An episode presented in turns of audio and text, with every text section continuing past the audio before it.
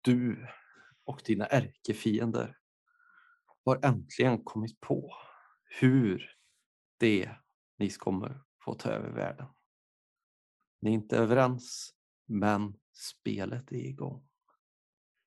Du tänker, Ryssland, det ser billigt ut. Här kommer det finnas stora vinster att dra rikedom ifrån. Medan din kompis eller ärkefiende, du är inte helt säker, sitter borta på den engelska storön och bygger båtar. Välkommen till Imperial! Tunga brädspelspodden. En samtalspodd mellan vänner om tunga, djupa brädspel. Och det var Martin Johanssons intro till Imperial och vi är äntligen tillbaka. Vi har varit borta, vi har varit på konvent, vi har haft tungkon, men nu är vi äntligen här med vårt nästa avsnitt. Martin, hur är läget?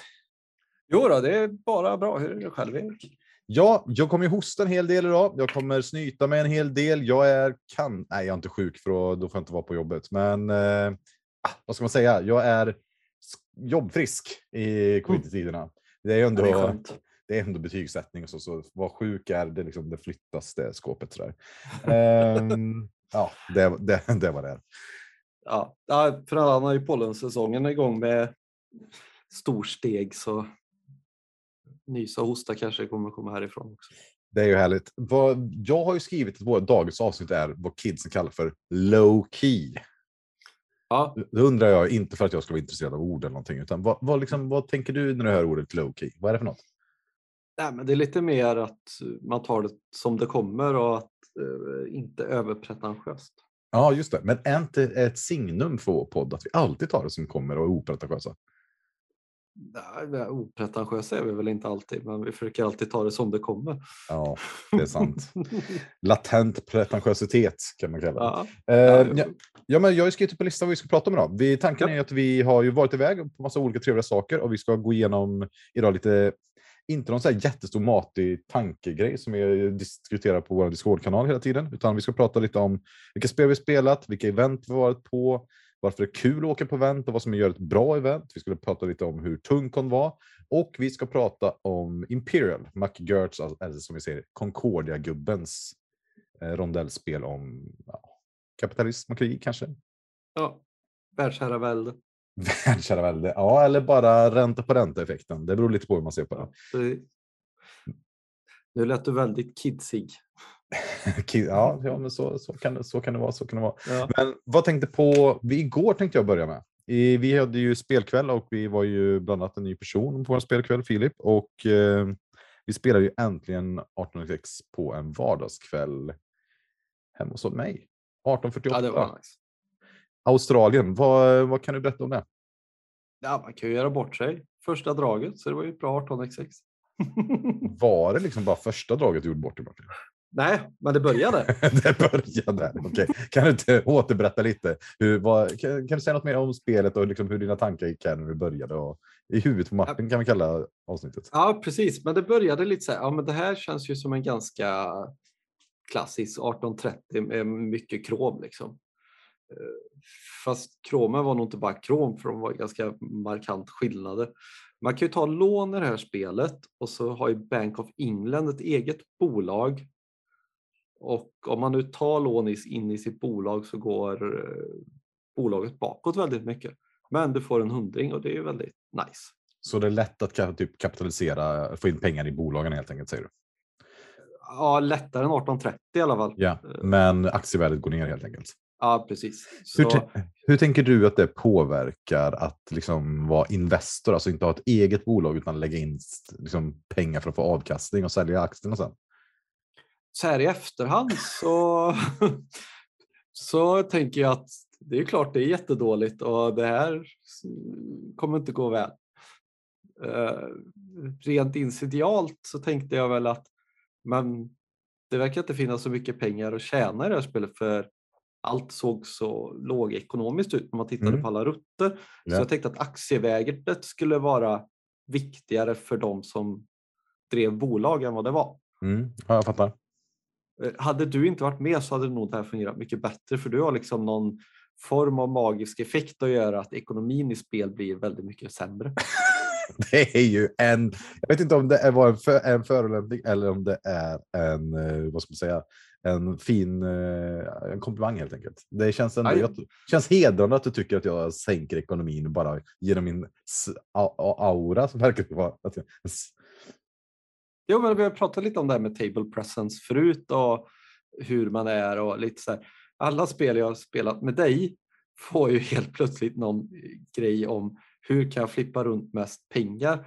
Och det händer mycket konstigare saker när man spelar med Erik än vad det brukar göra om Erik inte är med vid bordet. ah, jag fattar vad du menar. Och då tänker jag att folk är beredda på att ekonomin kommer vara så mycket sämre. Så då vågar man göra sådana val som man kanske normalt inte hade gjort. Alltså det här blödde ju in vi hade en jättelång diskussion idag av, på typ så här, kort, korta versionen av diskussionen var typ vad, vilka grunder får man ha när man tar ett beslut i ett spel? Typ. Mm. mm eh, var min diskussion. Sen hade vi lite parallell diskussioner. Lite svårt att veta ibland om man diskuterar om sak. Men min diskussion var typ om man är rationell spelare, vad får man basera sina beslut på? Är det kunskap om spelreglerna? Är det kunskap om eh, tidigare erfarenheter av spelet? Är det kunskaper om hur jag tror att du Martin ser på spelet? Eller dina erfarenheter av spelen är? Eller vad du kan om reglerna? Liksom, vad, vad är det legitimt för mig att liksom ta ett beslut utifrån? Typ? Och där kommer Mm. ju verkligen det här, precis det här punkten du pratar om. Det pratar till exempel Fabian och eh, Måns till exempel i dagens diskussion pratar om att man, man, man borde ta in liksom allt man vet om en annan spelare, till exempel att eh, den ofta ser på ett, har en viss bias över saker och ser liksom, vill göra vissa saker. Jo, vissa- men det har vi, det, Ja. det har vi spelat, det spelar man ju alltid på, eh, även om man kanske inte tycker att man ska göra det. Men Nej. Henrik var ju med igår. Eh, Ja. Han dumpar sällan bolag så han känns det tryggare att köpa in i. Sen är det ju inte alltid att han inte dumpar bolag, men lite sådana där saker finns det ju. Och spelar man med samma människor så kommer ju du alltid få en potentiellt väldigt mycket högre fördel om du får spela ditt spel mot Henriks spel. Och då måste man börja anpassa sig efter ditt, för annars kommer våra spelgrupp falla samman. Ja, men det är liksom intressant och kul för eh, jag tror att både jag och Edvin, även om vi nog är oense om mycket, tycker typ att den typen av beslut som grundar sig på vad typ folk har gjort innan eller hur folk är, deras personlighet kan man säga. Mm. Att det är liksom fusk, man ska säga. Men, men jag vet inte riktigt hur den ståndpunkten håller sig. Men vi var liksom inne och utforskade lite där, för det är därför man kan säga så här, ord och sånt är bara trams. Eh, Wittgenstein till exempel, känd filosof, tyckte typ att den korta versionen av hans filosofi var typ så här, alla filosofer och allting har alltid varit förvirrade, de bara fastnar i ord. Det är helt ointressant. Om jag säger Mm. spel till dig så vet du vad jag menar. End of story. Det är inte så mycket mer än det. Liksom. Och, eh, och det, vi hamnar i de här diskussionerna om spel och sånt. Men, men det är intressant tycker jag, för just det här med vad som, ska- för jag tror att det var mm, Gamebrain på deras sida skrev en historia om en det var en man och en kvinna som var tillsammans, hade varit hos mannens mamma och så spelat Ticket to Ride. Och sen efteråt när de satt på bilen vägen hem så var eh, partnern jättearg. Och partnern var förbannad för att morsan hade fuskat. Okej. För Och vad att, gjorde att hon fuskade? Jo, hon hade, morsan hade medvetet försökt liksom, uppfylla sina rutter på de här rutterna man får i början av spelet som man ger en poäng. Ja. Typ dens dolda kort för att få poäng. Ja.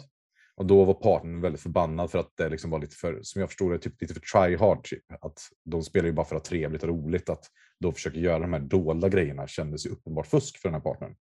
Ja, okej. Ja. Och eh, som var jätte... Förväntningar har vi pratat om förut och hur Ja, illa saker och ting kan bli. Ja, men exakt. Och den här diskussionen vi hade då kan ju då tänkas vara ja, men väldigt mycket. Ursäkta. Väldigt mycket om ord och sådär. Men, men just att den är intressant just för att den kan skapa så dåliga erfarenheter man spelar. Är man liksom inte överens om vad som ett fusk är, Mm. då kan folk bli riktigt jäkla förbannade på varandra och så besvikna och ledsna och Ja. känna sig tid är bortkastad. Och det, är väl, det är viktigt tycker jag. Här, nu vet jag inte hur vi kom Ja. in på det här, det är väl bara att jag har tänkt på det hela dagen. Men nu, ja. Nej, men i, igår då, då spelade jag ju inte utifrån förutsättningar att du kommer förstöra hela ekonomin. Och att alla andra kommer spela på att förstöra ekonomin för att du är med i spelet. Nej. Säg inte att alla, kanske, det kanske inte är alltid är så, men lite blev min känsla av att de som har spelat med dig förut tog massa lån, nya killen försökte satsa på att driva ett så bra bolag som möjligt.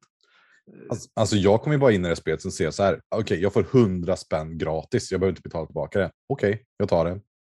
Ja, precis. Men det- vet ju alla att du kommer tänka. Som känner ja, det. ja, jag fattar vad du menar. Jag fattar vad du menar. Ja, ja. Så, så jag borde ha tänkt det steget också.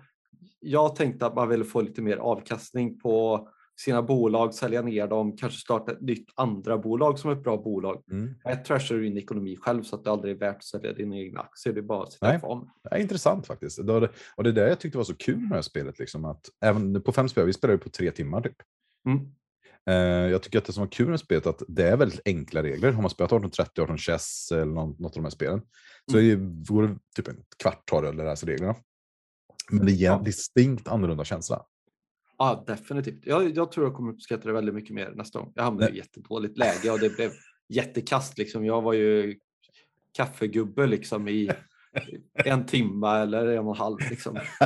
Fan, ja, då har vi liksom väntat i år på att få spela ett 18xx hemma på en vardagskväll. Och sen bara, Martin dog på sitt första drag. Så Ja, deppigt. så är det ju. Jag hade ju inte tråkigt igår. Nej, alltså jag förstod först när, när, du, när jag satt och funderade på om jag skulle ta ett lån till, vilket eventuellt var skillnaden mellan att du fick starta ett bolag eller inte, och du blev Ja. typ irriterad på mig när jag ändrade mig. Då kände jag så här, Ja. okej, Martin har nog haft en lite tuff kväll ändå. ja, då var det alltså, när, när jag liksom har lyckats gått igenom alla stegen och nästa person har börjat göra sitt drag. Liksom, ah, yes, det gick vägen. Jag kommer få göra någonting nu. Uh, och så är det bara, nej men jag ändrar mig bara. Vad fan, det här är inte okej alltså. Nej, och jag, och jag kände mig mest medstressad för att eh, tempot var kanske inte jättebra. Du ville komma hem. Så jag försökte ju bara passa tur för jag tänkte inte ens på din situation när jag tog ett beslut. Liksom. Men det var, Men det löste ju sig ändå. ja, eftersom du hade räknat fel. Så du bara, vi Ja. bara Åh, det var intressant, det var kul. Det, var, det är ju ofta jag som får bli liksom lite sådär upprörd. Men ditt upprördhet det var ju bara jag som märkte. Det var ju Ja. det var lite Nej, det var ingen table flip eller sådär. Ja, det är inte Så grinig blev jag du, du, du menar att jag orkar tableflippa helt enkelt? Nej, men det, det finns ju risker inom din familj. så är det. Så är det. Ja. Så är det. Men eh, jag tänkte så här. Eh, ja, men det, Men det jag vill säga är, det Ja. känns som ett kul spel. Jag tror att det kan bli riktigt bra eh, andra gången eller sådär. Vi har spelat det. Jag tror inte det behöver 4-5 för att bli riktigt genomkört. Sen är frågan, överlever det mer än 10 spel? Det är jag osäker på. Ja, ja, ja, det är spännande. Vilka, vilka 18x-spel tycker du på klarar 10 spel? Ja, 49 gör ju det definitivt. Okej. Mm. 30 gör det ju. Mm. Det, det, känns lite som så här livstidsspel. 62, eh, s- hur mycket skit jag än har pratat om det spelet. Men jag tror gillar man det så tror jag också det är ett sånt spel som överlever 80 Ja. genomspelningar. Liksom. Ja. Ja, jag gillar det. Det är bra alltså. Ja, Ah, jag gillar ju inte grundmekaniken, men jag tror det är lite så här, ja men när man har spelat det här tio gånger, lite som 89, man blir liksom lite nöjd. Chesapeake kändes som att det hade typ tre spel, sen Ja, jag håller med. tråkigt. 89, Mex, Chess. Ja. Ja, de känns gjorda när man spelat dem några gånger. Det är lite synd. Men eh, så är det. Men jag förlikar Ja, och så Men- tänker jag, det är ju inget bekymmer ändå. Alltså, spelar du det fem gånger och tycker det är kul, då har du ändå fått ut ganska mycket valuta av spelet. Det är ju typ ett Ja. års spelande. Liksom. Jag håller med. Håller med. Men vi, vi hade ju fina nöjet att bli inbjudna på ett spelevent. För vi pratade nyss om att vi inte spelat 1806 live på länge. Men vi var ju faktiskt medbjudna till Fabians sommars, så kallade sommarstuga som visade sig vara ett jättefint eh, hus vid en sjö. Ja. Men, men eh, vi var ju medbjudna till hans kalas. Vi har ju träffats Ja. eh, som kalas och eh, det var ju underbart. Och vi ska prata lite mer om event, själva eventet sen. Men där spelar vi massa spel faktiskt. Så jag tänkte, eh, vi har ju pratat, vi älskar ju båda 1849, har vi pratat. Vilane gjorde ju det. Han gjorde ju dock 1841 tidigare än 1849. Ja, precis. Som man, han har gjort de två spelen som jag känner till. Och jag gissar på att vet, han har legat och verkt hemma bara det här borde vara ett spel. Och sen som man gör typ när man skriver ens första bok eller film, att man bara trycker in alla idéer i samma spel. Och sen har man ingen som kan stoppa en för man bara fuck it, jag har tänkt på det i flera år, nu kommer köra, här är spelet, take it or leave it. Och sen Mm. kom 1841. Vad, jag vet ju, du har sett fram emot jättemycket till att spela. Vi spelade ju på sex eller sju personer hos dig, det var ju bara ko- konstigt. Ja, det Men- var jag också. Hur tycker du det har varit nu när du spelat det? För vi spelar ju både på Tunkon och på hos Edvin. Vad säger du om Ja, 41? jag spelade ju på tysk helg också. Ja, du spelar på tyska också. ja. Just det. Japp. Så Lite mer sansat när du inte var med.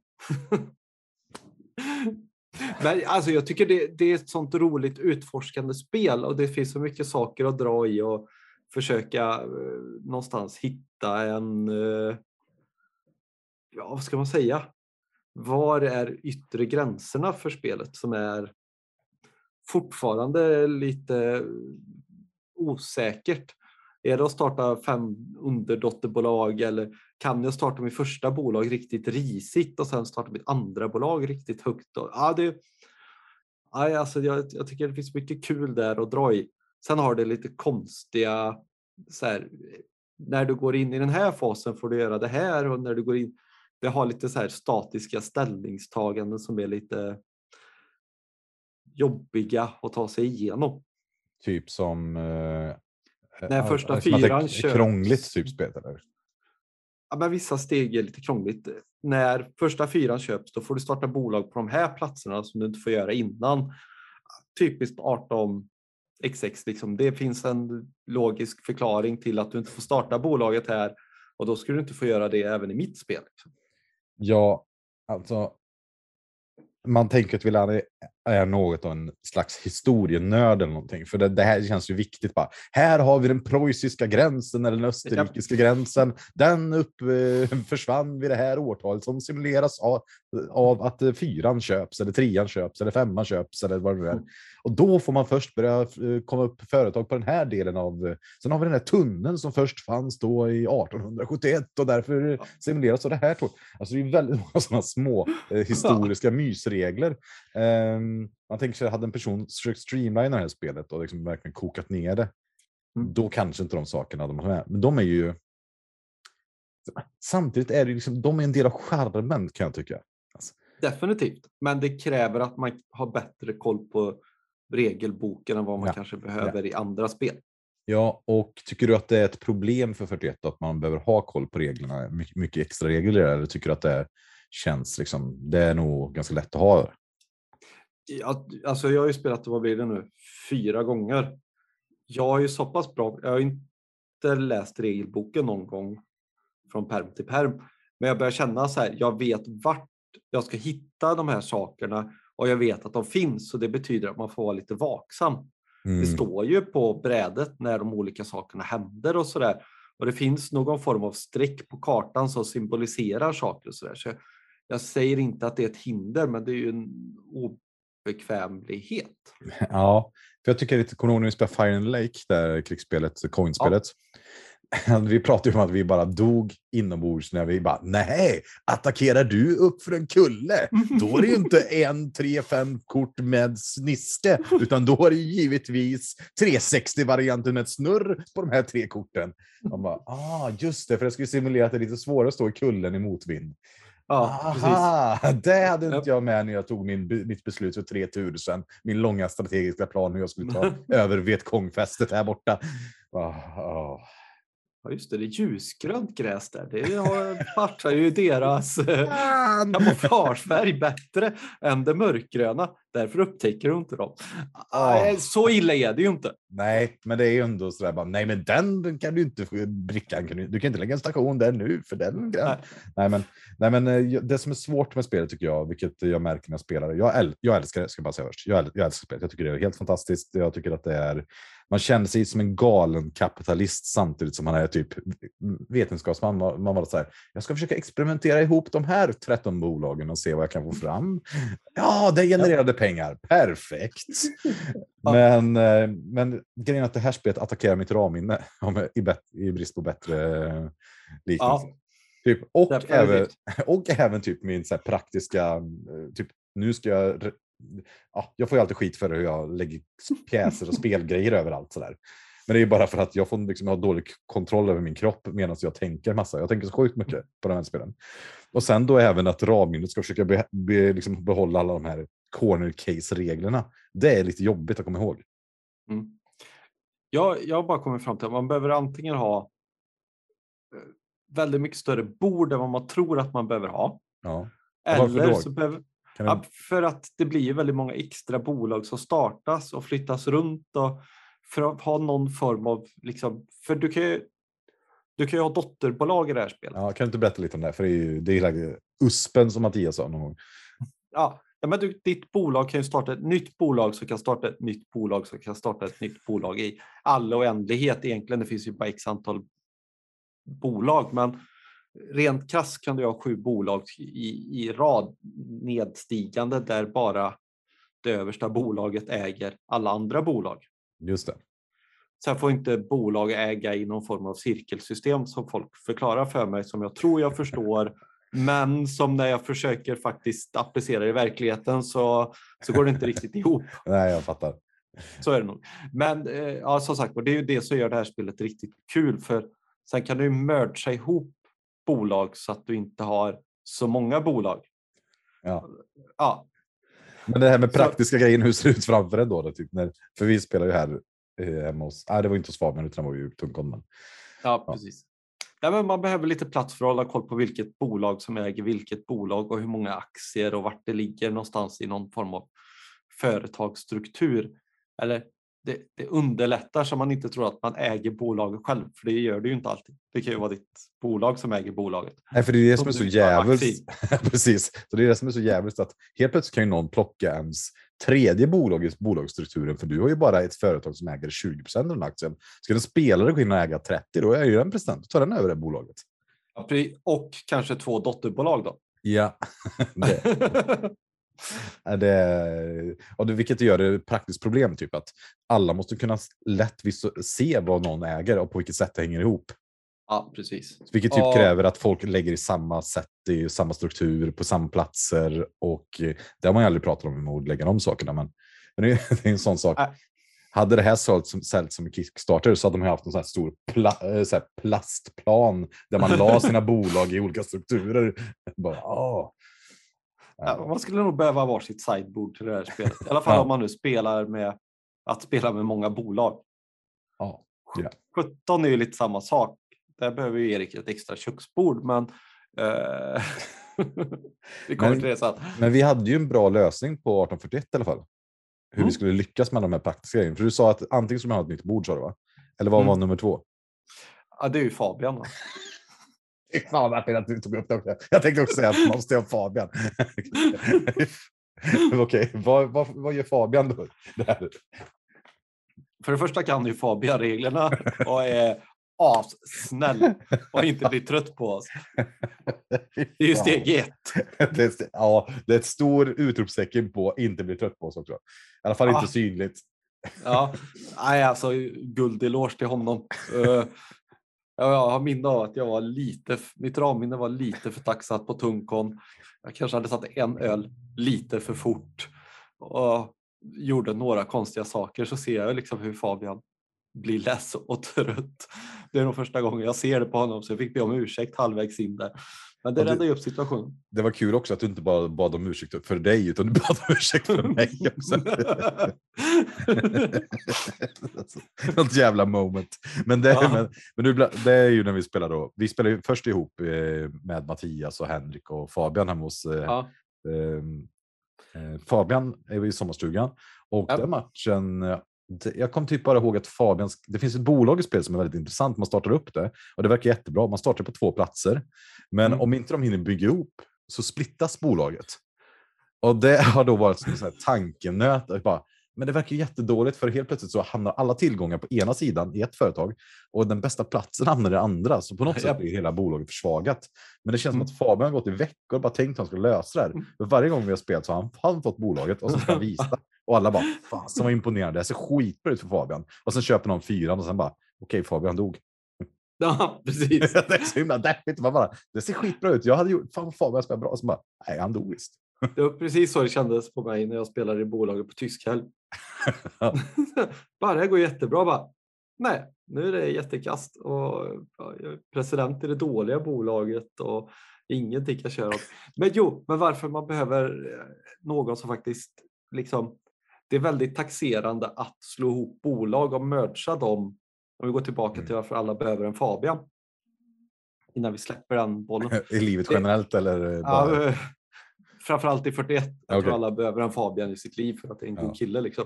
Eh, Men jag tänker just det här att det, det är väldigt skönt att någon som inte håller på och gör alla de här eh, bolagsihopslagningarna och startar nya bolag och sådär. Att det kommer någon utifrån och Ja. hjälper till med det så att man inte behöver göra det också. Det är faktiskt någon som har koll på det. För man är, just när man gör det själv, det är lite för mycket att få ihop alla de stegen i huvudet så att faktiskt pengar hamnar där de ska och folk får rätt aktier och hela den här biten. Det är ganska bra att ha någon, lite som att någon tar hand om banken behöver man ha någon som tar hand om Ja. bolagsskapande. Jag tycker du träffade rätt här nu att ehm, det, här, typ- det här borde man, precis som någon sköter banken så borde man ha någon. Jag tycker även en Eurus när någon har så här sjukt långa turer som är goda med någonting, att någon hjälper en att hålla lite ordning på saker. För att eh, det, för det första så blir det enklare att göra rätt och det Mm. snabbar på processen lite och eh, man får fler folk inblandade i vad som händer, typ som när vi spelar Indonesia och vi säljer varor hit och dit. Ja. Och att, ja, men jag, jag tror att det skapar liksom mer, för man kan verkligen zona ut. Och det är massa konstiga saker som händer och ingen har någon aning vad som händer. Ja, men du kan ju göra saker i 45 minuter. Liksom. Ja. Och då, eh, jag tror det är viktigt. Jag håller Ja. med, jag tycker det är bra. Jag tycker man borde prata om det också så att man borde hjälpa varandra. Typ att alltid att det är den spelaren till höger om en eller något sånt som hjälper en när man floatar bolag och drar de här grejerna. Eller något vad det kan vara. Man ska ha Ja, olika precis. ansvarsområden på något sätt. Ja. Men, eh, men vad tycker du om 41 då som spel?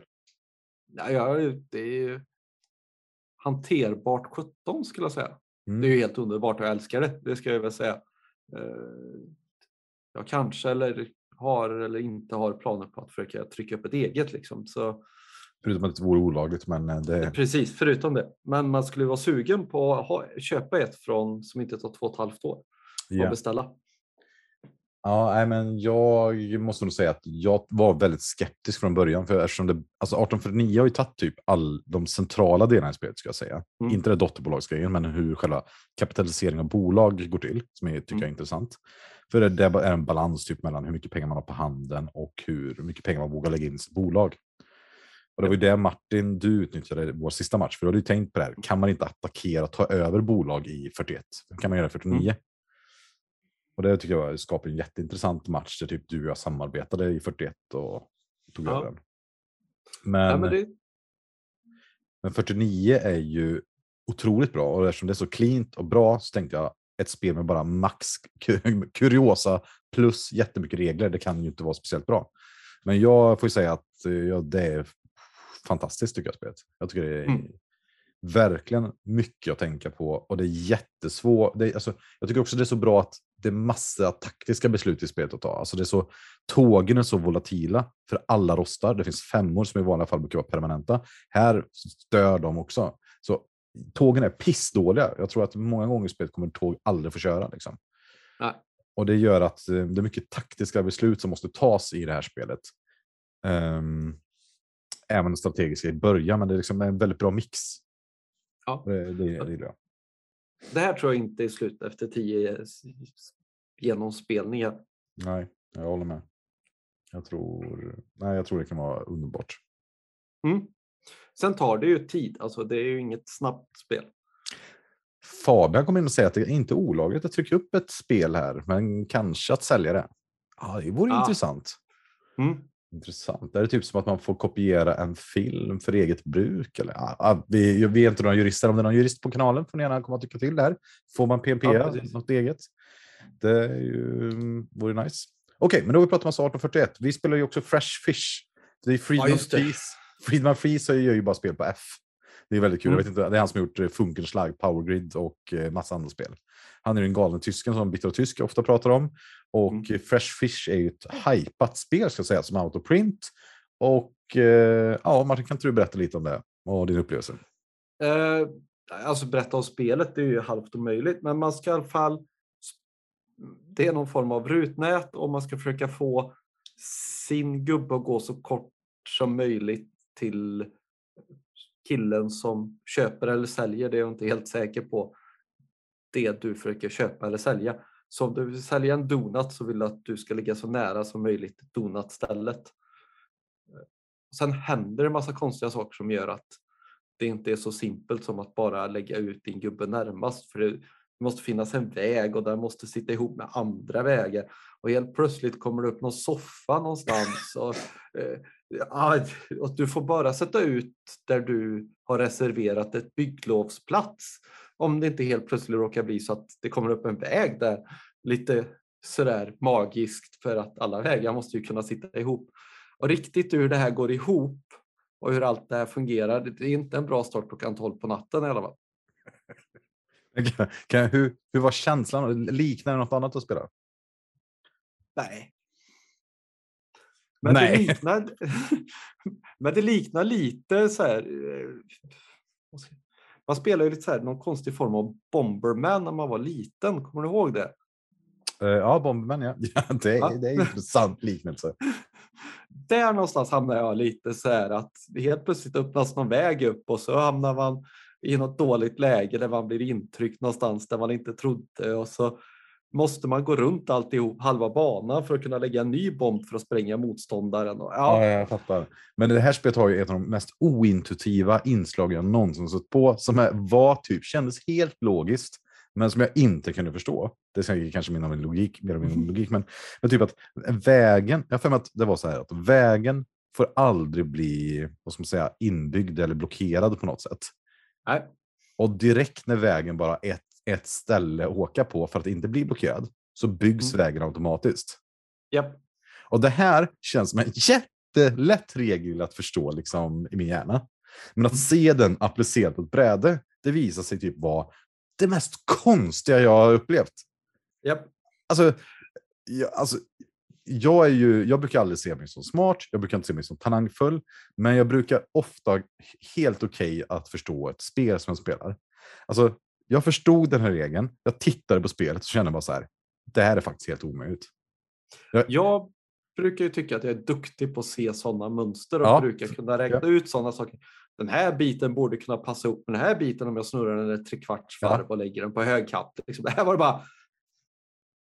Nej, men det här borde vara bra för mig. Så jag bara, Nej, det var jättedåligt för mig. För helt plötsligt dök vägen så här, höger, vänster, tre svängar bort. Så för att komma till mitt stånd så måste den gå runt alla andra stånd och Alltså. fyra bänkar. Så, så här, ja, det blir 17 steg istället för två som det borde ha blivit. Totalt brainburn alltså. Och sen var det massa aktioner som aldrig någon bjöd heller. Det var typ så här, ingen bjuder något, alla en Nej. bjuder ett. Och, och det Helt plötsligt var det jättehemskt. Och inte ha sjukt. bjudit något i, på rätt ställe. Alltså, ja, helt underbart spel, skulle gärna spela det igen. Men det som är så himla Nej. konstigt, att jag kände verkligen bara, det här är både tråkigt och jag fattar ingenting. Men jag känner verkligen, det här är nog ett riktigt bra spel och jag tror att jag skulle kunna gilla det om jag spelar det två gånger till. Ja, Men jag tror aldrig jag har varit så förvirrad i spel någonsin. Och jag känner bara att för mig handlar det om en blick. Typ när man spelar Great Zimbabwe till exempel, om man bygger upp det här rutnätet och hur allting ska hänga ihop. Jag minns ju någon gång när man spelat det, har superkoll på hela kartan, reser upp och går och tar en piss, kommer tillbaka och sen bara så här, jag fattar ingenting av brädet. Ja. Eller, eller ännu värre, måste byta plats runt bordet och sätta mig på andra sidan. Bara, Det här går inte ihop. Mm. Liksom, den blicken kändes jag, kände jag att den måste man nog öva in för att se i det här spelet. Typ att det var ett, mer som ett seende snarare än liksom att förstå regeln. För, att förstå regeln, att det handlar snarare om att träna upp sitt öga till att se det. Typ.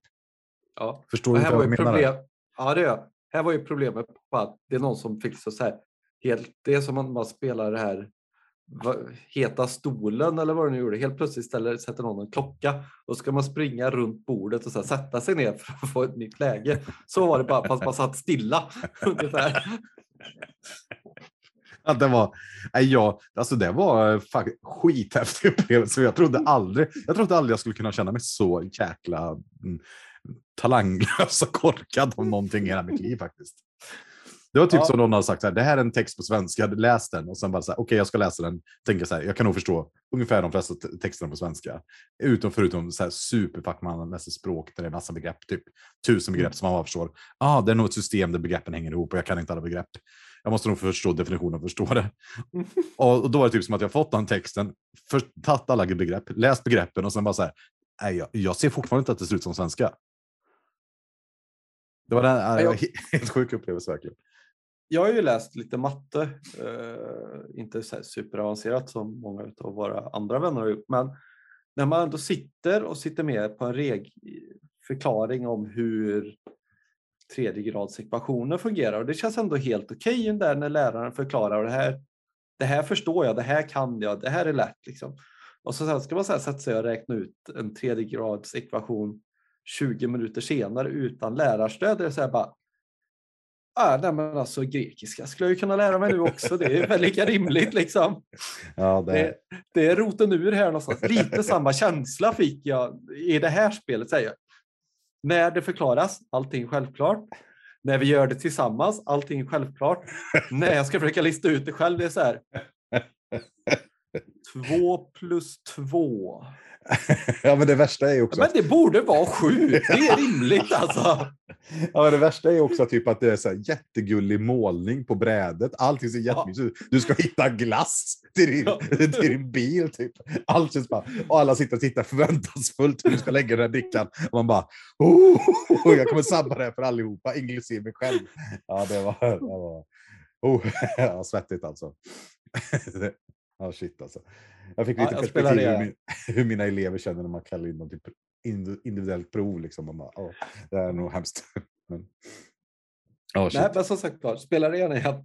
ja, samma här. Ja, det, och samtidigt, jag vet ju sådana här gridspel som är superabstrakta. För jag får ju känslan av gå när jag spelar det här. Det är det närmaste jag har kommit till att prova på gå. Och man känner mm. att det finns positioner som är helt givna att ta och sådär.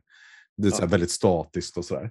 Um, jag, jag är inte så stort fan av de spelen jag ogillar dem inte, men jag blir inte, ofta inte sugen på att spela dem. Men jag blir fascinerad när jag väl får bli tvingad att spela dem. Så känner mm. jag för det spelet. Jag skulle, jag skulle absolut hänga med och spela det här. Det är ingenting som jag blir... Jag, ligger inte, jag, tänkte, jag tänkte inte på själva spelet när jag gick mig. Jag tänkte mest på hur min upplevelse av spelet var. Att jag var så förvirrad. Att det var spännande. Liksom. Ja. Men, ja. Men jag, har fortfarande inte kommit på en strategi i det. Det, det kan jag ju inte säga. Och kanske inte dricka öl innan. Det kanske kan, vara bättre. Ja, inte börja klockan 12 eller 11 på kvällen. Ja. Men för mig var det här ju liksom tio gånger svårare än 18, 17 och 41. Så det var liksom. Ja. ja. Men vad säger vi? spelar lite Cubase också. Vi spelade två Cubase. Eh, båda var ju PMPD av Fabian som hade gjort mm. egna utgåvor. Jättefina och eh, ja. jättekul att få testa det här. För mm. Chicago Express är ju vad man brukar kalla för Cubase. Alltså ett man har en karta, man har aktier. Det är ganska enkla regler, ofta på en A4. Eh, man har kuber man sätter ut. Det handlar mycket om att skapa incitament. Om jag äger det här bolaget så äger du det där och tävlar vi mot varandra. Oj, men helt plötsligt fick vi 50 procent varandra. Då kan inte vi tävla längre mot varandra. Vi tävlar mot en tredje, så kanske ska vi samdra då, eller ska vi satsa mer på vårt andra bolag? Typ vad jag skulle säga är signifikant för genren. Säga. Och så är det väl att man försöker hitta en sak som man försöker testa. Ja, mellanspelen ja. Att de skiljer sig på det sättet. Ja, precis. I det här spelet testar vi utdelningsmekaniker. Eller ja, utdelningsmekanik. Ja. I det här testar vi bygga fast kuber eller vad det nu är. Liksom. Vi spelade först Southern Pacific det här när man kunde betala ut hur mycket man ville. Att, all, att den som styrde bolaget fick välja hur mycket pengar som skulle delas ut till aktieinnehavarna. Kommer du ihåg det spelet? Ja, det gör jag. Vad tyckte du om det? Vi, så här, jo, men det var också kul. Eh, kanske en runda för långt. Just det. Ja, men vad, vad tyckte du om det? Att man kan dela ut hur mycket pengar som helst när man till aktieägarna? Jo, men det var ju en jätterolig grej. Det var också så här bara. Det som var kul med det spelet var ju att det blev så mycket diskussioner kring aktieutdelning kontra aktier. Vad är det optimala? Vad är suboptimalt? Eh, när man börjar så här, komma på saker halvvägs igenom. Varför gör man inte så här istället? Det mm. förändrar ju allt. Är det för, varför, ska jag, varför är första bolaget så ofantligt mycket viktigare än sista bolaget? Och Just saker? det, för det gick ju bolagen ut i turordning och så körde de och sen betalade de ut sitt värde. Och sen ja. kunde de sälja aktier i sin egna tur. Vilket gjorde att jag som hade ett tidigt bolag kunde gå ut, betala ut. Och sen när någon valde att sälja en aktie i bolag två, då hade jag pengar på handen för jag hade kört mitt bolag innan. Yep. Det hade jag glömt bort, så det är skitbra. Och så helt enkelt, bolagen som så senare i turordning hade deras ägare svårare att köpa andra aktier, vilket gjorde att första bolagen var mycket bättre. Precis, men bolaget kunde få sålt aktien för en högre peng desto Just senare det. gick ut kan man säga. Ja. ja, det var ganska intressant alltså. Ja, jag tyckte också, som sagt var, det, det slutade någonstans i någon sån här metaräkning om hur mycket pengar kan jag få på det här bolaget? Ja. Betalar jag 30 så går jag plus en krona mot Henrik och då, då tappar det lite tjusningen för mig. Ja, det är det vi pratar om Chicago Express, typ att det är nästan roligare att spela typ en dolda pengar och eh, bara spela igenom det. Mm. Alltså att endgamet är inte så intressant när man just måste säga okej, ingen kan avsluta, den som avslutar förlorar. Okej, då kör vi Ja. fem runder till. Och ja, sådär. Men eh, jag håller med. Det var intressant att testa. För mig var det så här skitintressant att tänka på och framförallt börja tänka så här. Okej, men bolaget, ja, att ett bolag själv får bestämma hur mycket utdelning det ska ge. Mm. Det verkar ju ändå mer rimligt utifrån verkligheten än kanske hur det simuleras. Det känns inte självklart att det ska vara på det sättet det brukar vara. Att ett bolag kör för ett visst belopp och sen betalar ut exakt utifrån vad man har tjänat. Typ. Nej, det handlar typ snarare om att hålla aktieägarna nöjda. Så det tyckte jag, det tyckte jag också gav någon sån insikt och tanke. Det var intressant alltså. Men jag tycker ju att spel nummer två som vi spelade, South Africa Railroad, var ett jättebra spel. Jag vet inte om du kommer ihåg, vad kommer du ihåg om det? Jo, jag kommer ihåg att vi hade en jättelång diskussion om att ett bolag inte var hemskt och farligt att köpa. Sen knäckte jag på att det här måste ju vara askast att köpa det bolaget om de här två personerna gör det enda rimliga valet. Och det var det ju. Just det, va? Alla bara, rött borde vara dåligt, förklarar de för oss tror jag det var. Eller något, va? Ja. Och Jag som vanligt fattar ingenting i sådana här förklaringar. Det gör jag aldrig. Jag är skitkorkad. Jag bara, så här, det här känns konstigt för mig. Jag förstår inte varför det borde vara dåligt. Och Martin bara, det här känns konstigt och jag tror jag vet varför, för att det är fel. Och så kom du bara, ja, för rött och blått borde ju samarbeta. Då blir grönt jättedåligt. Och bara, ja. Och sen köpte du och jag rött och grönt, eller rött och blått. Och sen så stängde vi ute Mattias i grönt. Och sen bara, ja, precis. För grönt var inte alls läskigt att köpa. Det var ju jättehemskt. ja. Typ, förutom att han var, fick vara själv för att det var så, då, det var så dåligt att ingen ville köpa en aktie i det resten av spelet. Ja, precis. Och han vann inte. Så då var det ju Nej. ganska dåligt, det gröna bolaget helt plötsligt. Ja. Sen Men- känner man ju sig alltid lite som en rövhatt när man gör den där.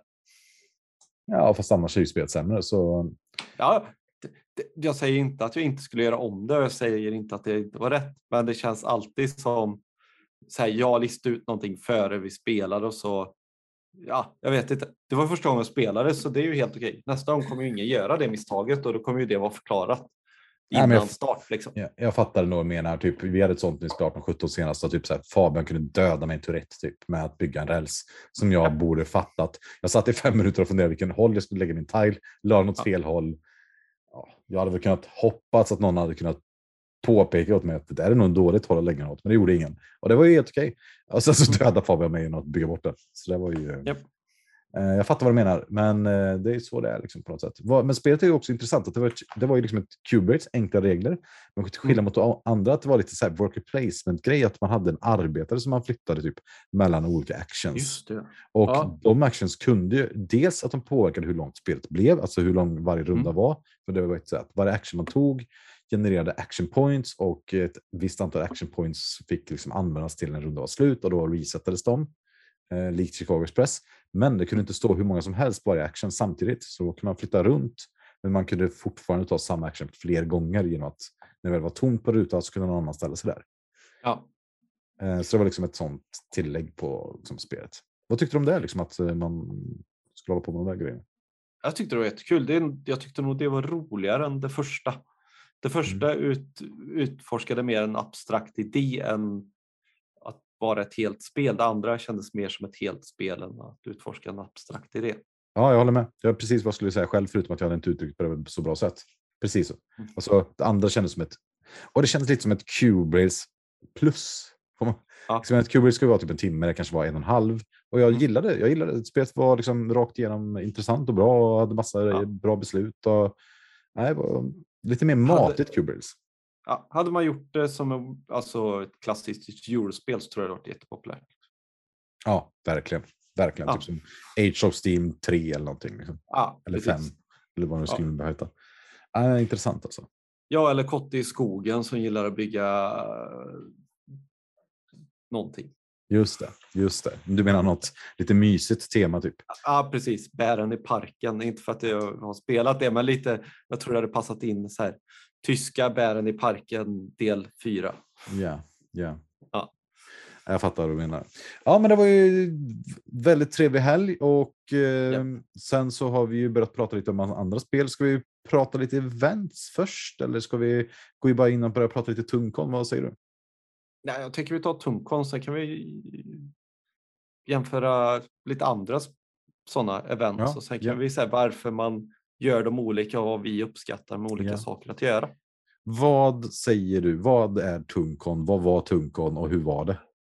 Eh, en galen idé mellan dig och mig om att bjuda hem massa människor som vi har lärt känna över nätet. Ja, det är ja, okej. Och eh, hur, var, hur gick det till och hur vart var det och liksom hur var det? Ja, det var ju hemma hos mig. Det var ju vårt sätt att försöka eh, skapa något event kring alla människor som faktiskt varit aktiva på vår Discord-kanal och på andra ställen också. Men det var ju riktat till målgruppen, vår Discord-kanal som har fått oss att må mycket bättre genom pandemin. Det var väl lite vårt sätt att ge tillbaka. Mm, jag håller med. Eh, Det var väl grundtanken i det hela. Liksom. Sen var det lättare att vara hos mig för jag har större hus än vad du har, eller fler hus än vad du har. Ja, du, du håller inte på att jämföra hus, men fler. Ja, jag håller med. Ja. Nej, men så vi sa att vi kunde vara typ 40 pers. Det var helt orimligt. Men sen fick vi ner det till typ 17 eller något sånt där blev väl till slut plus dig och mig. Så jag tror vi var 19 när vi var som mest. Ja, ja. Eh, kanske 18. Eh, vi hade tur. Vi har ju bra vänner på, som bor i närheten som kan laga mat och sånt där. Så vi körde ett event där vi stod för allting för en fast summa då, utom alkoholhaltiga drycker. Det fick man med.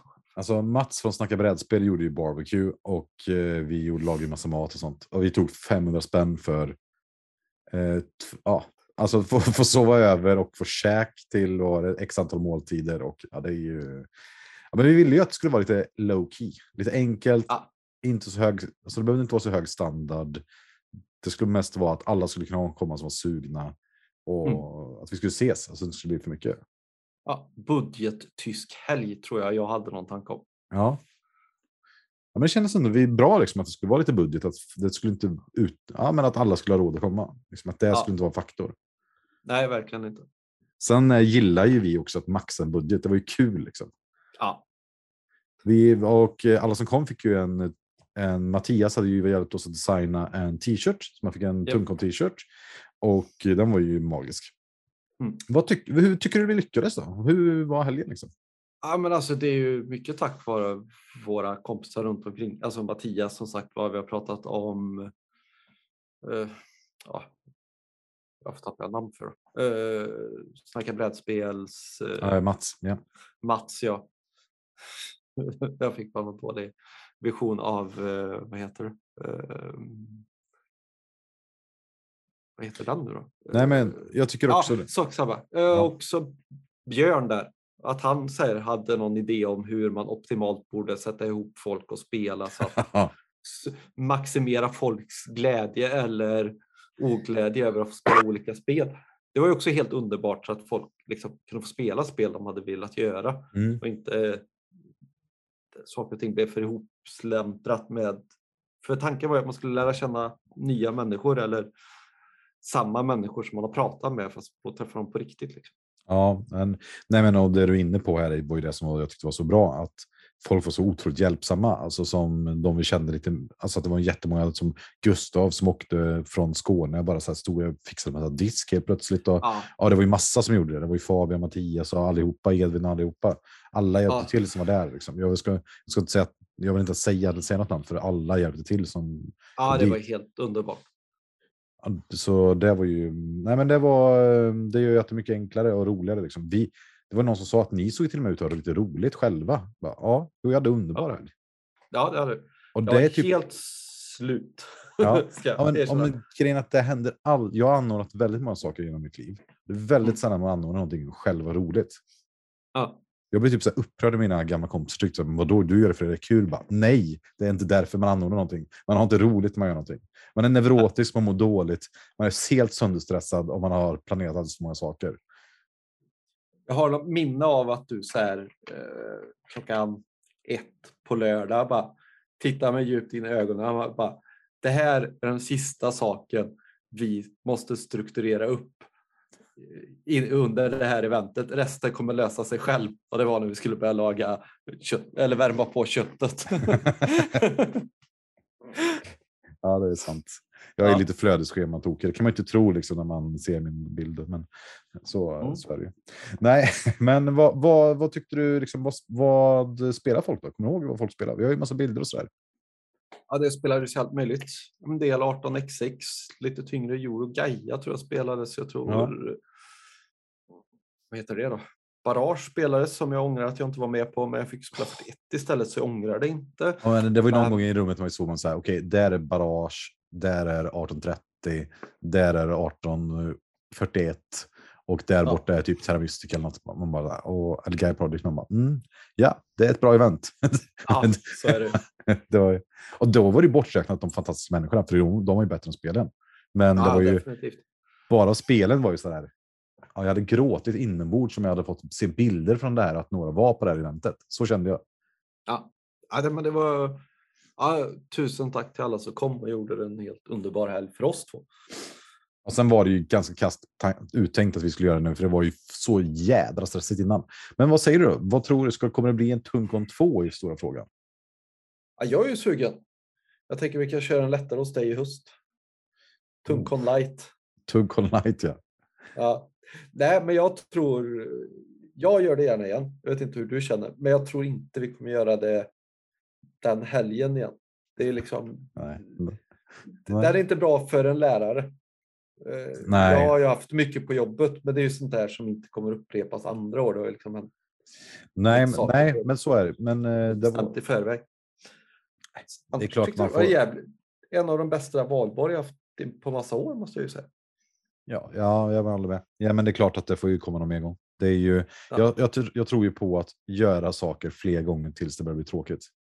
Ja, Då eh, kanske nyårsafton nästa gång vi kör på det. ja det lär ju bli jättepopulärt. ja, När vi båda två är nyskilda då, eller hur Ja, tänker du? det får vara Ja. så.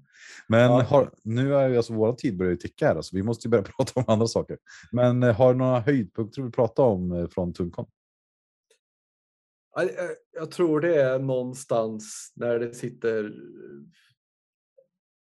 Någon vända blev det liksom typ knäpptyst i hela lokalen för att alla satt och råtänkte. Kontra mot 15 pers, eller många var ni på Feed the Kraken eller vad det nu hette? Ja, vet- 12 tror jag. Ja, som var, verkade helt jävla galet och folk skrek och det blev var livat och helt plötsligt ska man ut i köket för att hjälpa till för att folk får inte plats runt bordet. Eh, Alltså jag gillar ju inte partyspel på det sättet, men att göra sak, göra, spela ett spel på 12, det ångrar jag att jag inte var med på. Ja, för var det så? För jag var ju bara med i spelet, så jag undrar ju hur det såg ut utifrån, men det såg tokigt ut helt enkelt.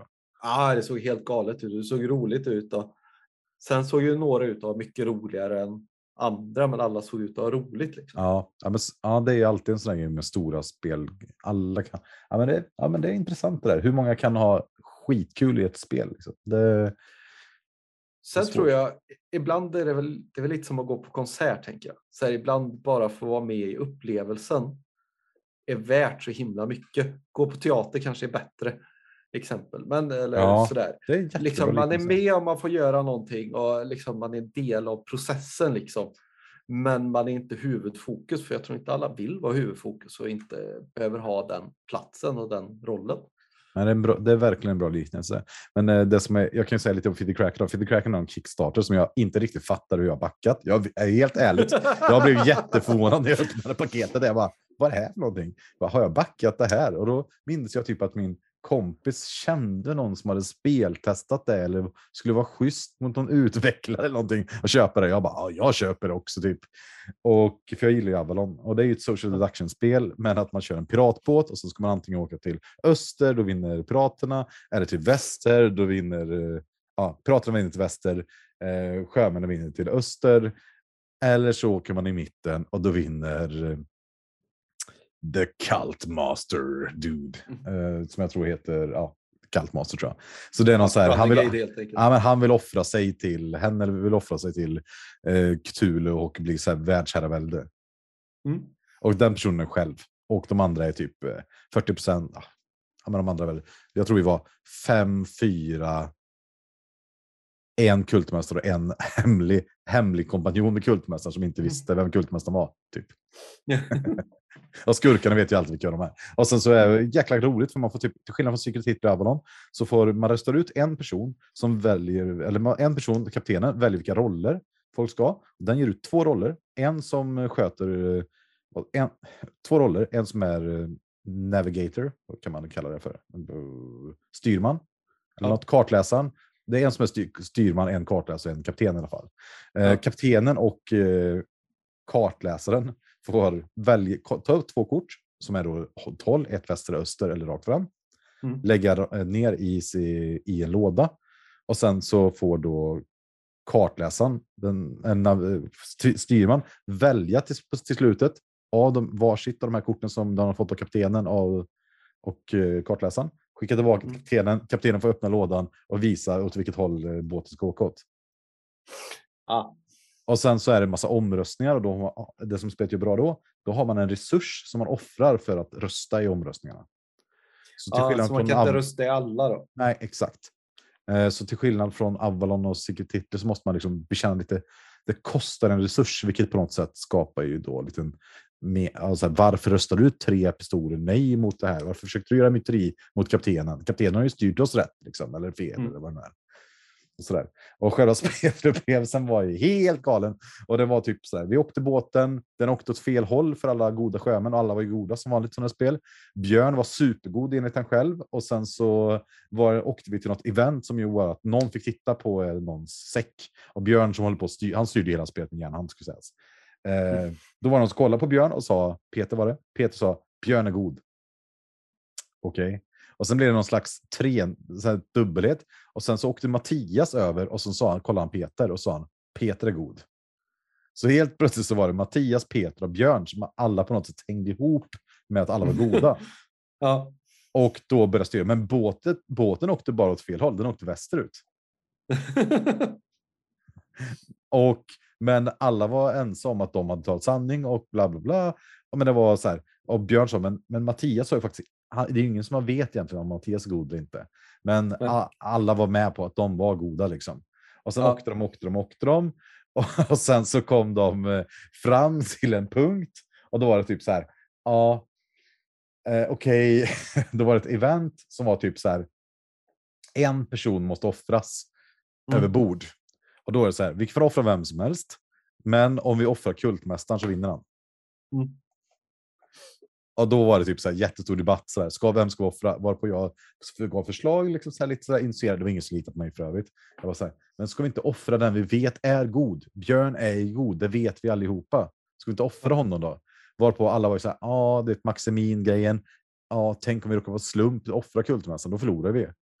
Så då gick Björn som var uttalat god med på att offra sig. Han bara tog en för laget och sen bara Ja. Boom, överslängd över eh, byn alla bara För man var ju självklart pirat då. Men, och då var ju liksom, Björn var ju sån game changer, att han var ju så stark röst i spelet. Och liksom en sån resurs för de goda. Så helt plötsligt, och faktiskt en person som var god. Så helt plötsligt var Ja. en offrad och då ändrade hela dynamiken i spelet till vem som var god eller ond typ. Och det var ju där Mm. allting började balla ur och, och det, alltså det enskilt bästa brädspelmomentet som jag varit med om. Andreas Isberg som var med, han sa att det var det bästa han varit med om i ett spel. Alltså, var alla var ju med på att Mattias var god. Och sen åkte Mm. vi till en grej och då typ på något sätt så fick en som var kapten då säga en person. De skulle säga en roll den inte var. Mm.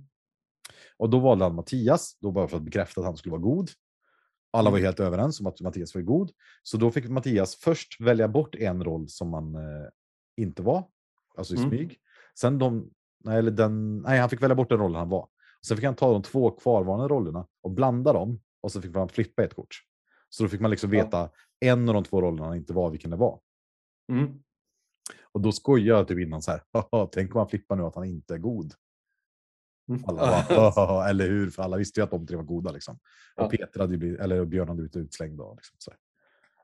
Och bara sådär, spänningen stiger, fast det var typ inte spännande. Och sen så bara flippar man upp och bara, Mattias är inte god. God. Åh, du vet, bara brädet, alla bara ställde sig upp och bara skrek. Bara, Va? Det, helt, blev verkligen helt jävla sjukt eh, känsla runt bordet. Och Peter bara, han bara tappade ansiktet och lutade sig bakåt och bara svårmod. Bara helvete, allting gått åt helvete. Mattias som blåser oss allihop. Ja, och, och jag tror att vissa personer där, som Björn sa sen också, råkar försäga sig liksom, för att vissa blir så sjukt jävla glada att han inte var god och liksom hur bra det påverkar spelet sånt där. Mm. Men det var sån jäkla grej. Och sen så, det här med köket och sånt, det var något event att vi skulle gå ut. Och, det var massa sådana saker. Men Mm. ja. så ja, det, nej, det var, eh, det var, nej, det var så. Man, man kan ju säga så här, det var spel på 12, det tog en, lite två timmar eller någonting. eh, ehm, ja, var det skit, alltså var det ett superbra spel? Oklart, men jag hade skitkul i den situationen. Ja. ja. Jag fick ju passa på att lära ut bass klockan 20 över 1, liksom. eller 20 över 12. Så medan ni spelar här så det är ju någon nice grej. Får- jag berätta en sak till från spelet som jag tyckte var kul, som jag själv gjorde, för jag gillar att prata om saker jag själv gör. Ja, kör. Jag fick något sånt genidrag i slutet på spelet. Jag hade, jag hade inte fått göra någonting i spelet. Spelet började med att jag sköt tre pistoler i ett myteri i början. För att jag tänkte, ja, det är inte jag som bestämmer, då är det klart att jag använder mina pistoler, för de får man ju tillbaka. Och alla bara, den där snubben litar vi inte på. Så fick jag typ inte göra någonting i hela spelet. Det slutade typ med att någon spelade ut ett kort som gjorde typ att nu är, nu är- avröstningar, eller omröstningar jätteenkla att vinna. Men Mm. alla visste att Peter som var god hade tre pistoler, hade makt egentligen. Men så länge Mm. vi alla andra runt bordet samarbetade så hade han ingen makt. Ja, Men problemet var att vi andra skurkar och kultister och kultistföljeslagare är ju liksom inte på samma sida. Vi vill ju olika saker, men vi vill ju inte att den goda ska vinna. nej. Och problemet för kultistmästarens eh, vad ska man säga, kompis är att han vet ju inte vem kultistmästaren är. Så han vill ju bara åka, att kultistmästaren på något sätt ska vinna och åka rätt in i mitten. Ja, Då helt plötsligt så när, under spelomgången så säger jag ja. Ni kan lita på mig. Jag är en onde. Jag är inte god. Jag träder fram här som ondskans hejduk. Och alla bara tittar på mig som jag är världens största idiot. Och liksom skurkarna de får inte avslöja sig. De bara, "Ja, det här är helt galet. Vad fan är det som händer? Liksom. Men, då, men då tänkte jag så här, ah, men de goda är så svaga här nu. Så, så länge jag kan övertyga kultistmästarpersonen här som behöver lita på mig, liksom, att jag är kult, kultmästaren på något sätt eller liksom får någon hjälp, så då har vi övertag. Då vinner vi det här. Liksom. Mm. Och sen var det det som hände. Så mina, mina skurkar gjorde ju allting bra. Det var just en ah, Hail Mary, jag vet inte. Nu tog jag på mig ära för att vi vann. Det var inte sant. Men det var kul. Ehm, ja, vi spelar ju 18-17 på söndagen där sen. Det är ju ett galet spel i sig som vi ska göra ett avsnitt av när vi tror att vi faktiskt förstår någonting av det. Just det. Vad är grejen? Vad, är- vad är USPen på 1817? Kan du snabbt eh, återberätta vad 1817 är för något? Eh, ja, det handlar ju om, det är 1817 för att det var då finansbörsen startade i USA om jag hänger med rätt. Eh, Nej, prata inte om börsen nu. Det är så fruktansvärt.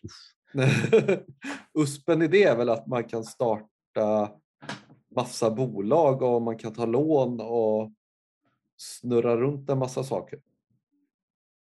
Just det, USPen är att man kan shorta andras bolag. Så är det. Och ni som inte har koll på shorta är, ni får ju hänga lite mer på Reddit och så GameStop-aktien. GameStop-aktien, ja. Det finns hur mycket som helst som förklarar det här på ett, för ett, grip, på ett gripligt sätt, för det kan inte jag göra. Jo, Men man kan sälja får- någon- Ja, säger du. Man kan sälja. Man kan sälja låtsasaktier utav någon annans aktier fast man är skyldig att betala tillbaka i olika situationer som när det går bra för den aktien. Ja. Och för att inte ha låtsasaktien så måste du köpa tillbaka låtsasaktien. Ja. Det är Ja. en bra förklaring. Så man Man säljer grejer satsar man på inte har. som går dåligt. Ja, precis. precis. Så satsar man på någon som det går dåligt för. Och så hoppas man att det inte helt plötsligt går bra för den. Och, ja. Det är ett jävla spännande spel i alla fall. Hur tungt tycker du 1817 är? Då? Om jag skulle jämföra med något annat. Liksom. Vi pratade 1841, vi har pratat om barrage innan, vi pratat om 1830. Hur, liksom, eh, hur Ja. matigt är 1817 att spela? Ofantligt. Det är hemskt eh, och brutalt.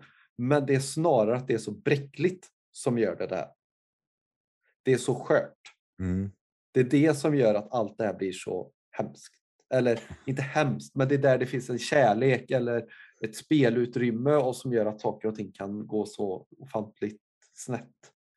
För 41 som vi pratade om förut, finns, det är liksom inte så öppet, det är inte så skört. Det är nog ett ganska skört spel ändå.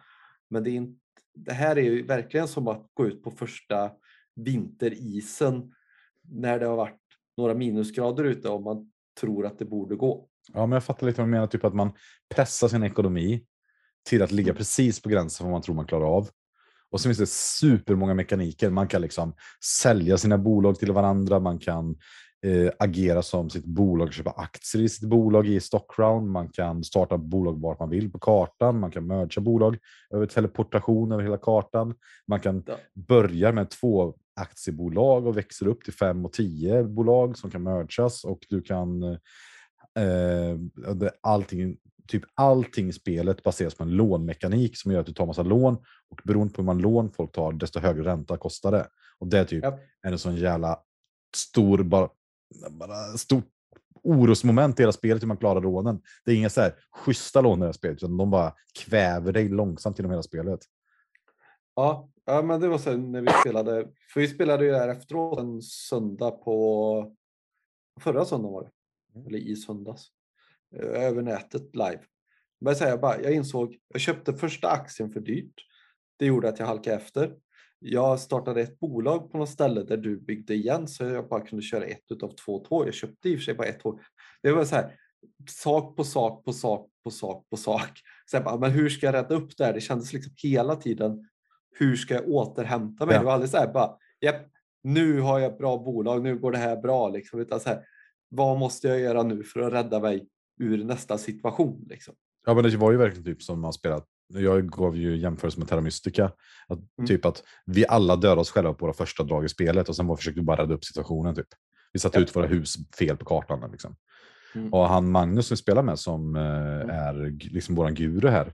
Han tyckte, man får ju liksom aldrig jämföra ett 18 spel med ett euro. För det är liksom, då kränker man folks identitet på något sätt. Japp. är ju min hot take här. Men, men eh, han sa ju att han tyckte att det fanns en bäring i det. Att, att det är väldigt mycket, alltså att man har massa olika val i spelet i början. Men att de hänger ihop med andra val man behöver göra. Typ att Mm. ja, om jag tar grön färg så behöver jag starta på de här positionerna om blå finns med. Om blå inte finns med så är grå med. Då behöver jag starta på de andra platserna. Och så är det ju typ här. Att om jag startar bolag X och Y så behöver de gå före Z-bolaget. Men Mm. de får helst inte gå före det här andra A-bolaget.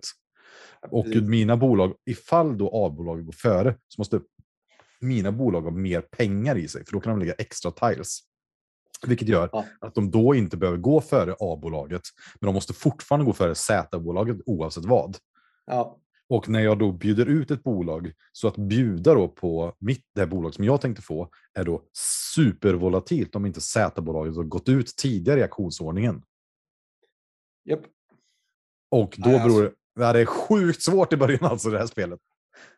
Ja, men alltså, jag, jag känner att någonstans, eh, ska jag inte säga att, men det här är verkligen eh, Splotters eh, tankegång. Liksom. Om man inte kan förlora på första draget, varför ha ett första drag? Ja, alltså. Ja, Ja, sen pratar vi om det här typ med folk och typ de bara, ah, men vad då man kan göra i alla spel. Jo, fast här är det liksom inte att det blir marginellt sämre, utan det är typ så här. Du är, spelar verkligen med hälften av resurserna mot alla andra. I ett ekonomiskt snöbollsspel. ja, det är så här, japp, eh, jag kan inte, jag känner nog så under spelet så bara, japp, där förlorar jag chansen att komma först.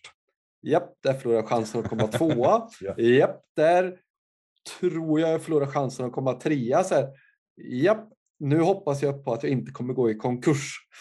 Ja. liksom här, sista steget i någon form av fallande skala i Ja. misär. Maslows omvända behovstrappa, typ. Vinst, självförverkligande. Ja, det är faktiskt helt ofattbart. Jag kände, vi gick verkligen om det samma. Men, ja. Ja, jag Men ser verkligen fram emot att spela det igen. Ja, jag håller med. Och han, Magnus sa ju det väldigt bra, som jag verkligen håller med om. Att han sa att det är inget spel jag spelat men där varje beslut varje spelare gör är intressant under liksom åtta timmar. Det, det här tror jag är ett spel vi faktiskt måste börja lägga in fysiska pauser i. Ja, ja det, är verkligen, det är verkligen utmattande spelet alltså. Ja, det är så här. Japp, nu har vi spelat i en timme. Nu grabbar, nu är det en kvarts paus. Alla går ut och andas, dricker en kopp kaffe, så ses vi igen. Lite det, så. För det, på Tunkon gjorde vi det. Att jag och Edvin gick ut och rökte och fixade lite med, eh, då vet man att det är konvent man får röka. Liksom. Men eh, Ja. man fick ju lasta i saker, packa lite, dricka lite kaffe och sådär. Det var Ja. sjukt bra alltså. Och, eh, nej, men jag håller verkligen med, för det var verkligen utmattande. Och när vi spelar på Tunkon, vad händer ju det som vi inte vill ska hända? Eller? Att om bolagen är lite för mycket värdefull, värderade, det finns lite trier, och så kommer man in typ Stockholm 4, och Martin öppnar upp och tittar på brädet, pustar, tittar längre, pustar igen, tittar längre och säger han, alltså jag skulle vilja diskutera det här med er. ja, men där dog ju det spelet för mig. Ja, men, men, men du bara, jag vill diskutera en sak med er. Okej, och då finns det så här, i mitt, tänker jag då att det finns ett stigma i 1817 att, att någon kan ta ut asmycket shorts. Alltså då pratar vi inte Mm. att man säljer fem aktier i någons bolag som inte finns, utan du säljer 45 aktier och får helt plötsligt 10 000 på handen och kan öppna upp 17 bolag. Där med. Ja. 12, 10 kanske? Mm. Och sen bara spränger man hela spelet. spelet liksom, sp- vad som än händer, det händer att spelet tar slut, någon vinner. Och det blir Mm. så här helt galet hela spelet. Gör man det vid rätt tillfälle så vinner personen som tar ut alla de här shortsen. Gör man Mm. det vid fel tillfälle så förlorar personen med shortsen och någon annan vinner istället. Men vid Ja. båda tillfällena så är spelet avslutat. Japp.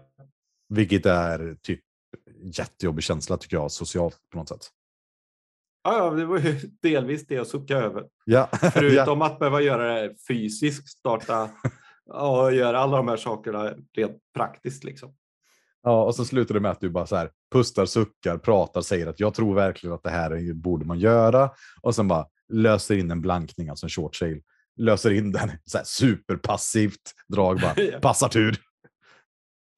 Jag tror jag sa jag orkar inte och så Ja. sålde jag den. Nej, det var, det var svagt alltså. Det var svagt. Ah, men det ja, jag kan köpa att där någonstans var nog mina resurser slut på alla nivåer. Dragit hållit ett event, spelat för länge, spelat för mycket. Man kanske inte ska avsluta med 17. Du menar alltså att den här veckan när vi sa att vi skulle, jag skulle sa att jag skulle gå upp en timme tidigare varje morgon bara för att hinna med. Och man gjorde hela veckan, lagade massa mat, la in grejer och sånt. Och sen så gjorde man The Cost plus kackerlackpoker på fredagen. Eh, på Ja. lördag spelar man Indonesia 1841, Feed the Kraken.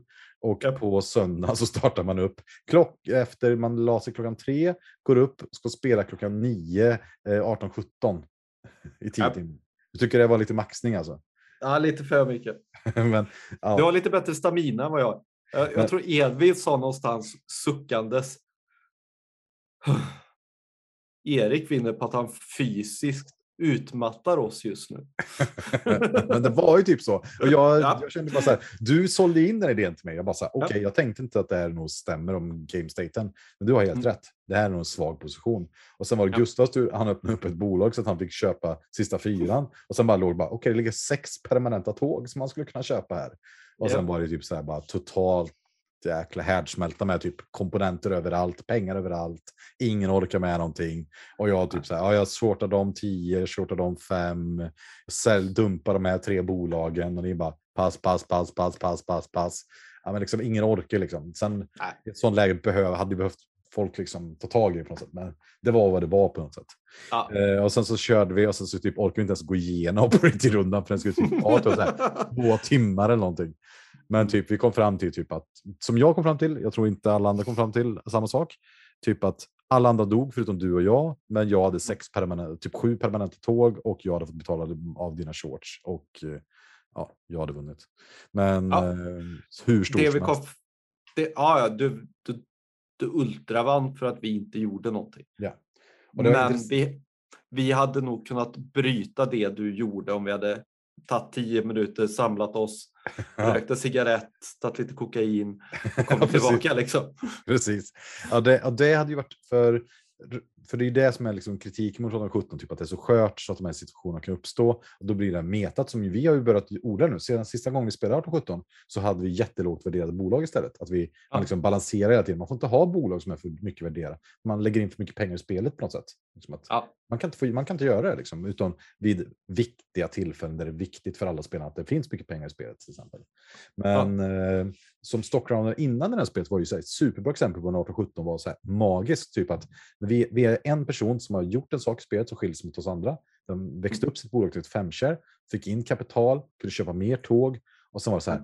Vi ihop insåg bara okej, vi behöver blanka den här aktien, göra så att han går efter oss i turordningen och rostar alla hans två tåg. Japp. Då tjänar alla vi tre. Men vi måste samarbeta. Det är för bra om en person gör det själv. Och ja, samarbetar vi så blir det bra för alla oss utom honom. Det gör det. Ja. Och då tycker jag att spelet verkligen, det bara visar upp sin eh, underbara finanslåda. Bara här, Ja. kom och välj lite spakar dra i. Ni får göra ihop. Japp. Men jag tror verkligen man behöver sätta sig ner. Vad är okej att prata om i det här spelet? Före, efter, under tiden liksom. Ja, men jag håller nog med om det. det jag skulle kunna tänka mig sådana spel, man spelat det några gånger. Alltså nu i början vi spelar det så är det svårt att förstå vad som händer i spelet. Så vi behöver typ, Ja. Som jag försöker, typ, typ när jag hittat en ny mekanik som jag gjorde i senast, så vill jag försöka berätta om det. Men jag kan inte säga så här, hallå killar, jag har hittat den här, jag fick in 200 spänn extra här. Utan de försöker bara, ah, nu har jag fått gratis pengar på det här sättet. Så där. Berätta Mm. i smyg så att folk förstår utan att bli nedtryckta i halsen för att jag tänker att det kanske inte stämmer. Men ehm, ja, jag tycker det är viktigt att vi pratar när vi utforskar, men jag tror att spelet skulle vara asbra sen när man väl spelar typ tyst nästan. Ja, jag tror också definitivt att det skulle fungera när man kan det. Lite som när man tittar på folk som spelar schack. Liksom. Men typ som vi spelar 1848, det behöver inte snackas så himla mycket liksom. Nej. Jag tror det är nice. Ja. Edvin säger att man ska ha en, set, en paus per set. Och det är ju typ rätt rimligt för alltså varje SR och OR tar ju hur lång tid som helst. Japp. Det var ju någon runda, ja men jag har sex bolag, jag har åtta bolag. Japp. Nej, men väldigt eh, fint spel ändå. Intressant. Men det, det känns som att det kan bli så här life game. Liksom. Ja. Det kan man nog spela. Jag har svårt att se att jag löser det spelet. Men det finns ju snack om att man ska, som vi har pratat om, att man bara ska spela till fyran knäcks för att det är så här early game, så att man kan spela det på en vecko, veckodag och sen så kan man spela det några gånger tills man har koll på det och så kan man köra en hel dag sen när man har liksom koll på early game. Och det tror jag kan nog finnas något i det. Sen finns ju 18 USA som är variant på det här som är lite annorlunda.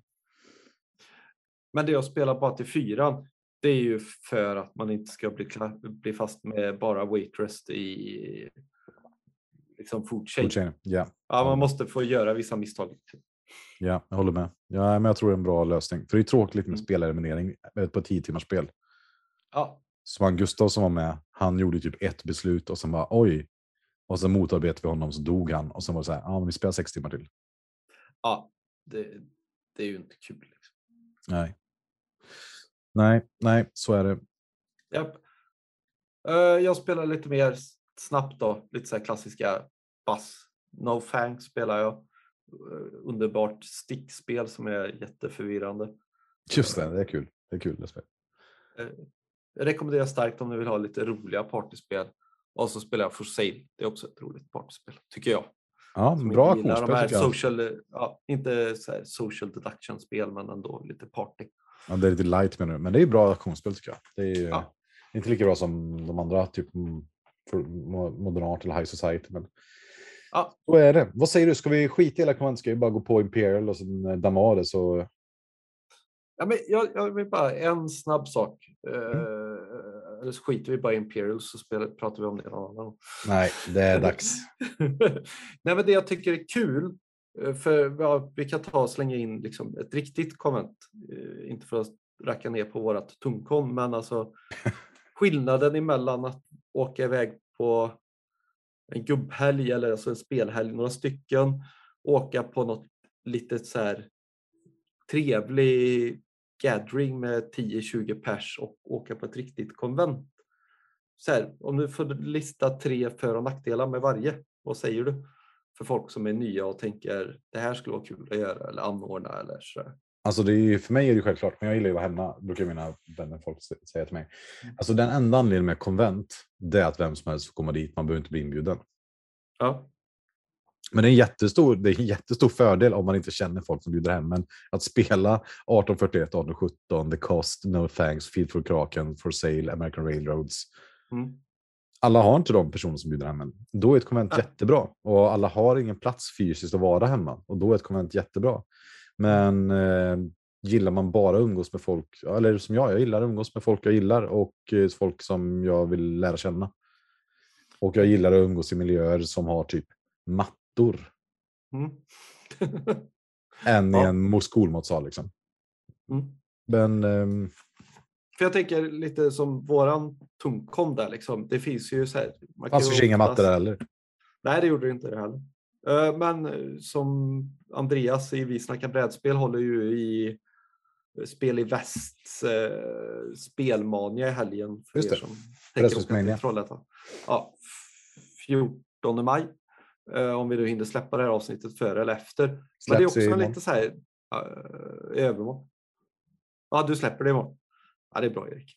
Men jag tänker att det är också så här endagars konvent som är lite mindre, lite mer eh, mysigt. Eller jag vet inte vad jag vill säga, men det är lite mindre människor än om vi tar typ Gothcon, Lincon. De här riktigt stora som är utspridda över flera eh, skolmat, skolplatser och sådär. Det, det, jag kan tycka att det är lite trevligare att åka på det om man vill lära känna människor i sitt närområde kontra Ja, att åka på. På typ Gothcon eller någonting. Det kan vara jättekul för att du kan få se så mycket olika saker. Men jag menar, ett större event så har du större chans att få spela de spel vi spelar. Så det är väl eh, som en Ja. klassiker att man får prioritera. Är det sociala människor man vill träffa eller är det spelen? Mm. Förutom ett huggon när man får båda givetvis. Men Självklart. självklart ja. Det står ett tips här från Prison att Martin får hyra in lite matte nästa gång. Ja, det är det. Jag, Mm. jag har ju sagt åt Martin, jag är ju Martins stilguru i livet så han ska köpa lite persiska mattor för honom. Ja, precis.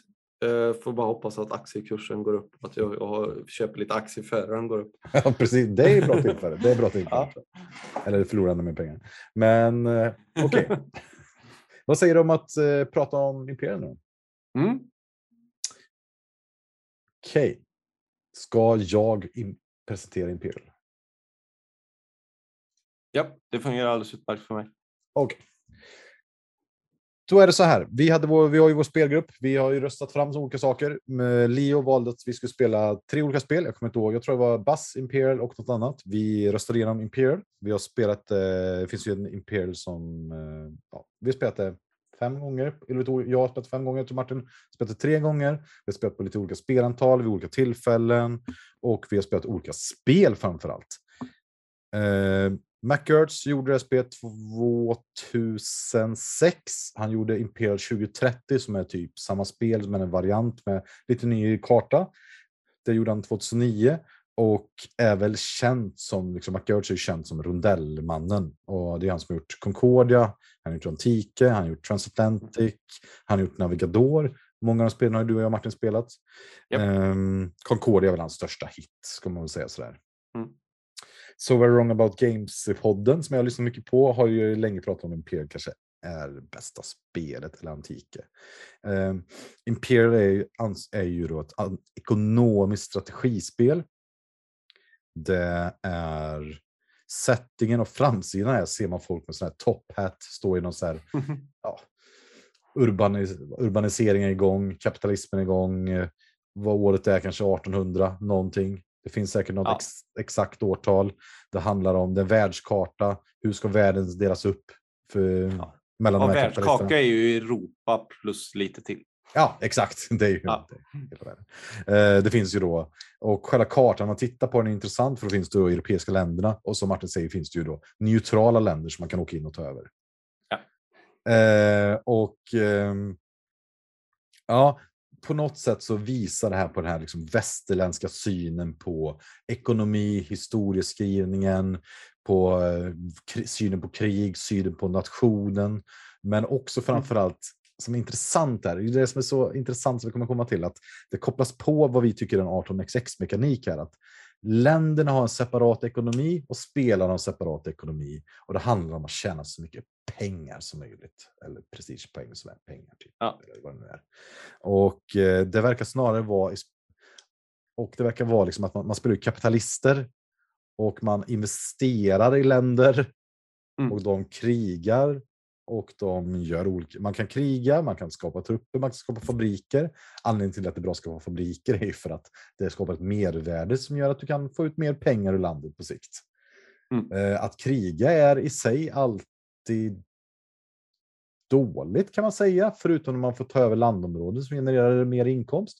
Är Eller extra- när du ska skatta då, Ja, för då är det ju bra att Ja. du inte har så många gubbar som kostar pengar. Så att säga att det är alltid dåligt är ju fel. Ja, men jag ska komma in på det. Alltså, det är så jävla roligt att, att det är en rakt av eh, vinstaffär ekonomiskt att låta ens trupper dö.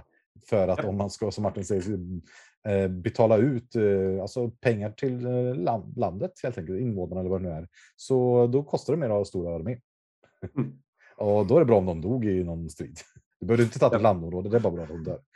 Eh, och eh, det här är ju vad man skulle, jag vet inte om man kallar, jag antar att man kallar det ett euro det här. Den diskussionen behöver vi inte gå in på att euro är. Ja. Men det är framförallt en rondellmekanik som är helt central. Du Mm. får börja någon plats när spelet börjar och då tror jag att det kanske finns nio actions, åtta actions. Du börjar på en plats, du kan gå tre steg. Du kan också i slutet på spelet ofta betala pengar från din egna hand att gå extra steg. Mm. Och I vanliga fall behöver du gå tre actions för att gå hela varvet, eller för att börja ett nytt varv kan man säga. Som påminner Mm. lite om Great Western Trail när eller något annat sånt spel. Ehm, och det har då lite olika saker här. Vad, hur skulle du säga att Martin, att en tur går till i det här spelet? När man går sin rondell. Vad, liksom, vad gör man egentligen? Men det finns för tre huvudelement ska jag säga. Mm. Ett rör ju ekonomi på något sätt. Pengar in i landet eller pengar in i plånboken. Just det. Eh, mekanik nummer två är ju på något sätt utveckla landet. Om det är att bygga en fabrik eller bygga trupper eller förflytta trupper. Och num- eh, nej, eh, bygga trupper eller förflytta trupper. Och nummer tre det är ju krig då genom förflyttningar. Just Det det. skulle jag säga är de tre markanta sakerna i spelet. Sen gör, gör man dem på lite olika platser och de har lite olika mekaniker. Någonstans kan du köpa, någonstans producerar det och det är lite olika så hur du får trupperna. Men det är ändå tre saker du kan göra. Vi sa ju här att man är kapitalist. Men Ja. vem styr över län- länderna? Den som har mest aktier i landet. Så jävla roligt. eh, Så jävla, alltså, temat här är ju magiskt alltså. Ja, det är det. Man kan väl säga att man har mest pengar i mest statsobligationer kanske är Ja. bättre än aktier. Men det blir ju indirekt aktier för vi spelar 18x6. Det kanske heter aktier också. Ja, men det heter säker nog på. bonds, kanske något sånt. Ja, precis. Och- Eh, Ja, vi kunde berätta hur går det till att ta över bolag, eller bolag, ursäkta, eh, länder? Ja, det finns ju två varianter. Antingen så är det efter varje land har gjort sin tur så får, blir det en försäljning av deras statsobligationer om du fortsätter använda det Mm. ordet. Eh, Alternativ nummer två är att när man går förbi en av de här pengarutorna som heter investment eller investor så säljs det landets, en av det landets aktier ut. Och då är det personen som har ett kort som heter Investor som får välja om den vill köpa en eller inte. Det vill man alltid. Och sen, det vill man alltid. Och sen går den vidare till nästa person. Just det, det finns en variant här. Just det. Så det finns en variant som man kan, det finns massa olika åsikter om man ska spela med den eller inte. Vi har testat båda Mm. delarna. Eh, Det ena är då att det blir massa aktieförsäljningar varje gång en person avslutar en tur kan man säga. Det Mm. andra är att det blir en aktieförsäljning. Det blir lite mer sällan aktieförhandlingar, men att, Precis. men att eh, länderna oftare byter eh, vad ska man säga, kontroll. Ja. I det ena så vill du ha så många papper som du kan få tag på. I det andra vill du ha så höga papper du kan få tag på. Ja, just det är det. de Man, stora skillnaderna kan man säga.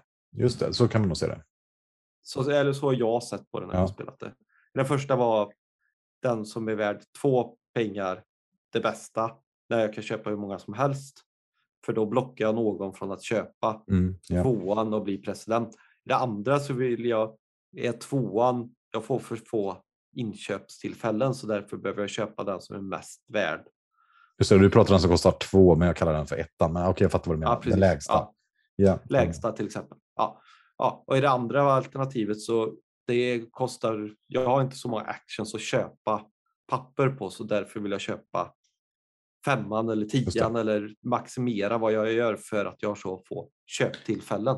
Men en intressant grej i det här spelet tycker jag är ju att eh, man måste balansera, precis som ett 1806-spel, att man måste balansera landets ekonomi kontra din egen.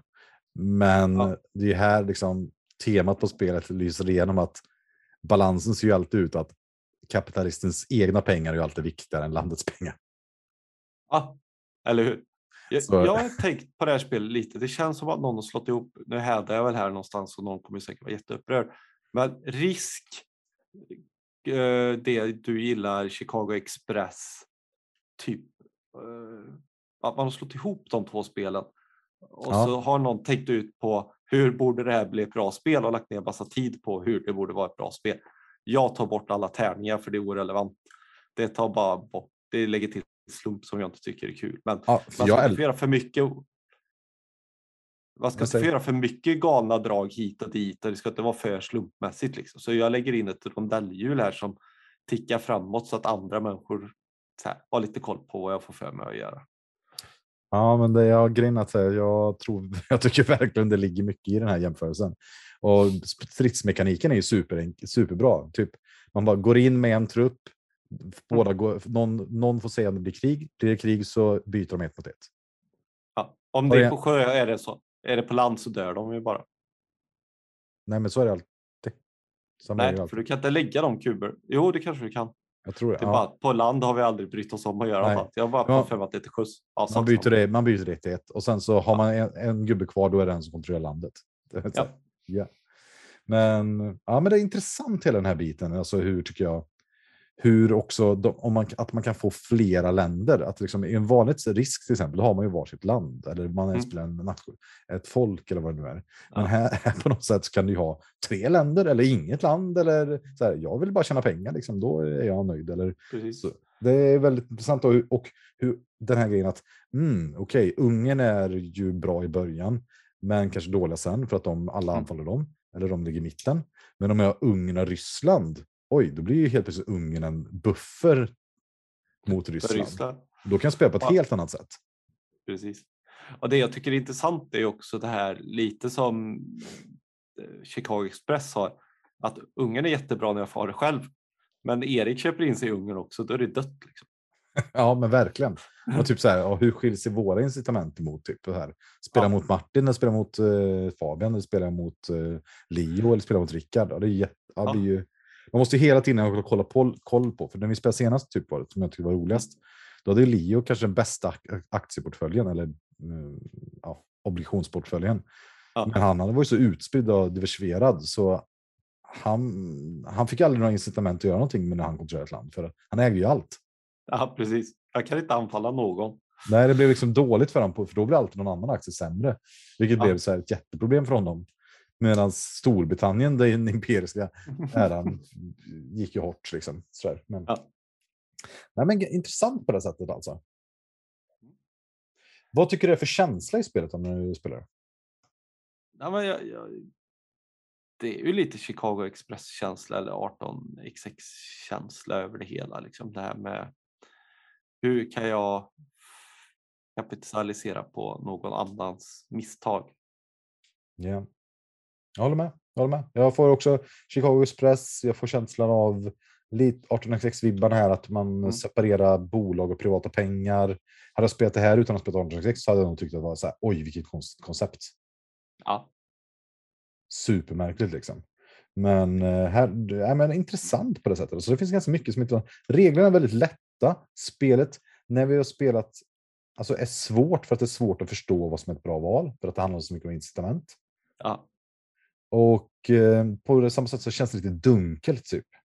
Ja. Och jag tror och så man, Ja, säg. det är ju en, också lite rolig sån här. äh, Jag tror att det här spelet mår bra av trash talk. Ja, Eh, För mig så hade spelet blivit väldigt platt utan eh, lite trash talk runt bordet. Liksom. Jag tror det behöver.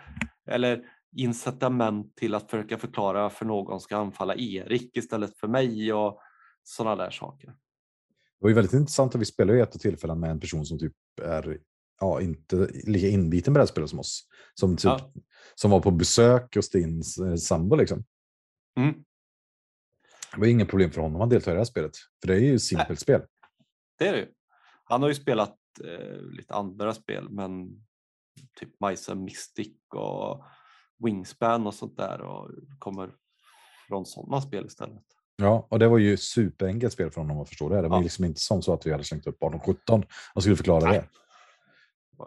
Eller Men- 1830 heller för den delen. Nej, men jag tycker känslan med mycket så här, försöka tänka på vad alla andras position är. Hur ska jag kunna få det här?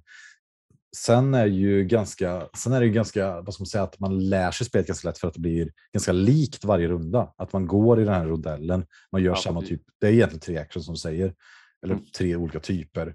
Så går man och gör de här grejerna ganska många gånger. Så på ett sätt Ja. blir det ganska likt spelet, vilket är bra för ändå provat det, tempoökningen där. För jag försökte ju någon gång maximera för alla andra och då stendog jag på att det höll inte hela vägen ut. Just det. Och du bara tömde landet ja. Ja, precis. Och sen hade jag ingenting alls att kunna göra och det blev jättedåligt för den hamnade tre steg för lågt ner på någon track liksom. Och där dog jag. Ja, nej, men intressant. Eh, vad skulle du säga, så här, hur går till en tankeprocess till för dig i det här spelet? För vi har ju, det är ju en ny kategori i podden när vi diskuterar spel. För vi har ju fått eh, vad ska man säga, återkoppling på podden och vi har fått massa olika återkoppling på olika sätt. En av dem har ju varit att det är kul när vi beskriver hur man tänker i spelet.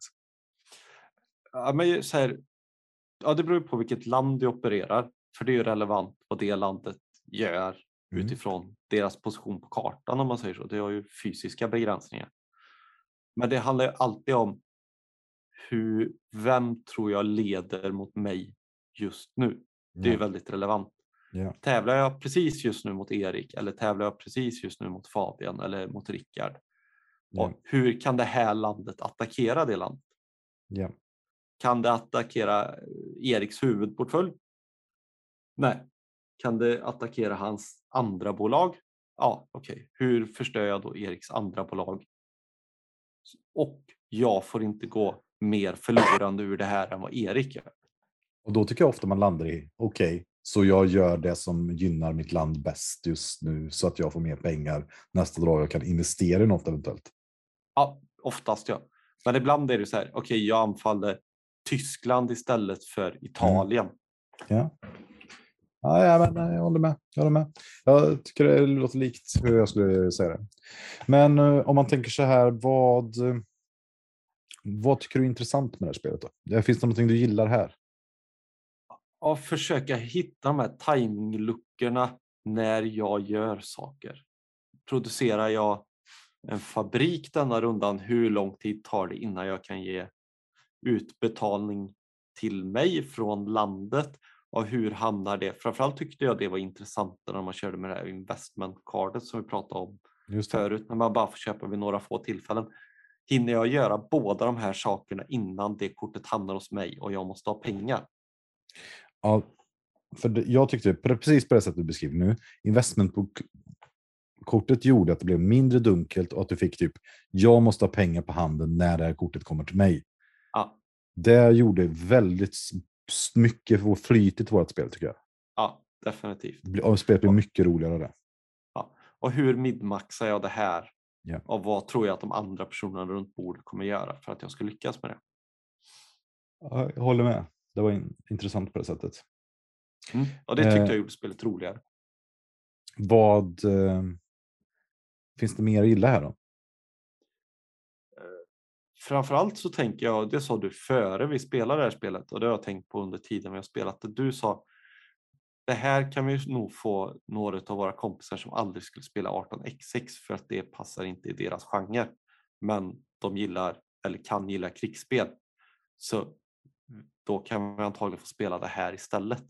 Just det, Och så jag- lite, lite så här fåfänga identifikationspersoner som inte vill ha tåg på sitt... Eh, Ja, eller så tycker att artwork är viktigt eller mm. eh, utseende på saker och ting. Ah, Jag ska väl inte kalla det för fåfänga, det var lite väl elitistiskt av mig här faktiskt. Men jag tänker att det ligger någonting i det. Det, det är en kompromiss. Mm. Eh, inte för att jag gillar sport, men jag kan tänka mig att eh, det är lite så här, ja men jag kan få gå på en live-fotbollsmatch i, eller bandy då, det är ett bättre exempel för det är Vänersborg bra på, till skillnad från fotboll. Eh, så. Men så här, jag, jag kan gå på en bandymatch i Vänersborg mot eh, något annat lag. Jag kanske inte får se den bästa bandymatchen i mitt liv, men jag får vara med om en upplevelse och göra någonting som är kul. Ja. Men det är inte som att spela 18x6 och gå på eh, liksom Ryssland, Sverige på i Uppsala där liksom det bästa matcherna i Just bandy går. Jag tänker att det är lite där jag landar i det. Liksom. Det är en, Det är en kompromiss kväll. helt enkelt. Liksom. Ja, men bra kompromiss också. Det är inte så att jag är besviken. Liksom. Nej, om du skulle jämföra typ med andra så ekonomiska spel som vi har spelat, eller andra euros typ. Om du jämför med typ eh, Indonesia till exempel, eller Havre, eller eh, vad, hur skulle du jämföra då? Ja, men jag tycker att det, alltså krigsmekaniken i det här spelet, man får ju ändå gilla lite att man kan vara elaka mot varandra. Det kan du vara göra i Indonesien också, men det är inte så in your face. Nej, det här det är direkt är- alltså. Boom! Ja, och det tycker jag är skönt. Ja, det är en Ja, palettrensare på det. Ja, typ, Ja. Jag går in och dödar din fabrik här för att jag har chansen. Ja, och, och det, det, skulle jag kunna ha räknat ut. Liksom. Och jag, jag gillar lite det. Och det blir tydligt, det är inte så här, tre drag senare inser jag att du gick in och förstörde min fabrik. Nej, jag fattar. Det direkt alltså. Ja, ja, håller Ja. med. Nej, men, men det, det är det som är så konstigt med för mig på det här. Precis som du säger här, att det känns som ett kompromisspelet. Vilket gör att man kanske får lite sämre smak i munnen när man försöker äta maträtten.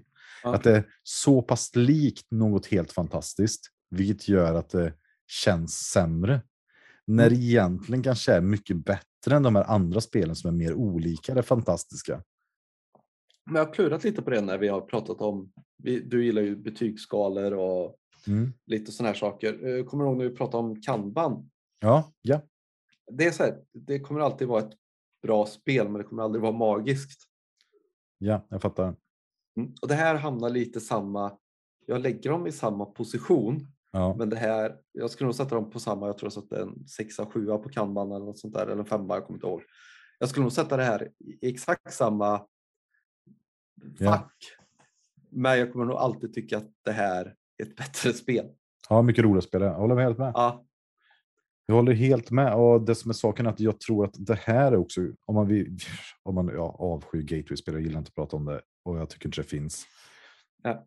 Men skulle jag som sagt ha en person som jag tror skulle kunna uppskatta ekonomiska spel, skulle kunna uppskatta 1806, som Rickard som vi spelar med, mm. då kändes det som det här spelet jättebra att ta fram. Mm. För det har ju verkligen centrala mekaniker i sig som är incitamentstrukturen, privata kassor. Som om, om någon blir liksom lite intresserad och taggad av det, då känner man Ja. så här, "Ah, okej, men då har jag någon annan spelserie jag skulle kunna visa. Liksom.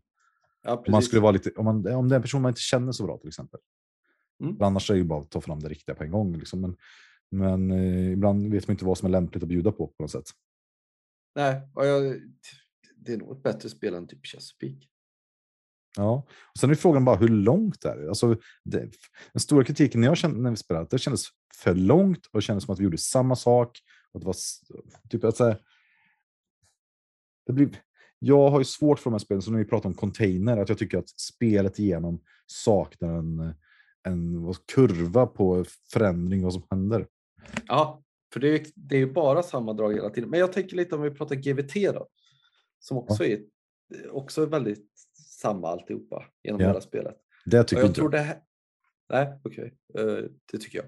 Ja. Eh, husen gör lite olika saker. Men det är också lite så här, desto bättre man kan det här spelet, desto mer avgörande blir valen och därför tror jag inte man har så många, man kan inte göra så många dåliga val. Plus att du har en ekonomisk motor, så du har en work replacement grej som du max kan offra eh, säkert två eller tre drag under hela spelet. Plus att du måste spela det här helt andra spelet vid sidan av som handlar om en ekonomisk eh, motor. Och jag tror när det där börjar bli tight, då tror jag det här blir riktigt intressant. Mm, jag fattar.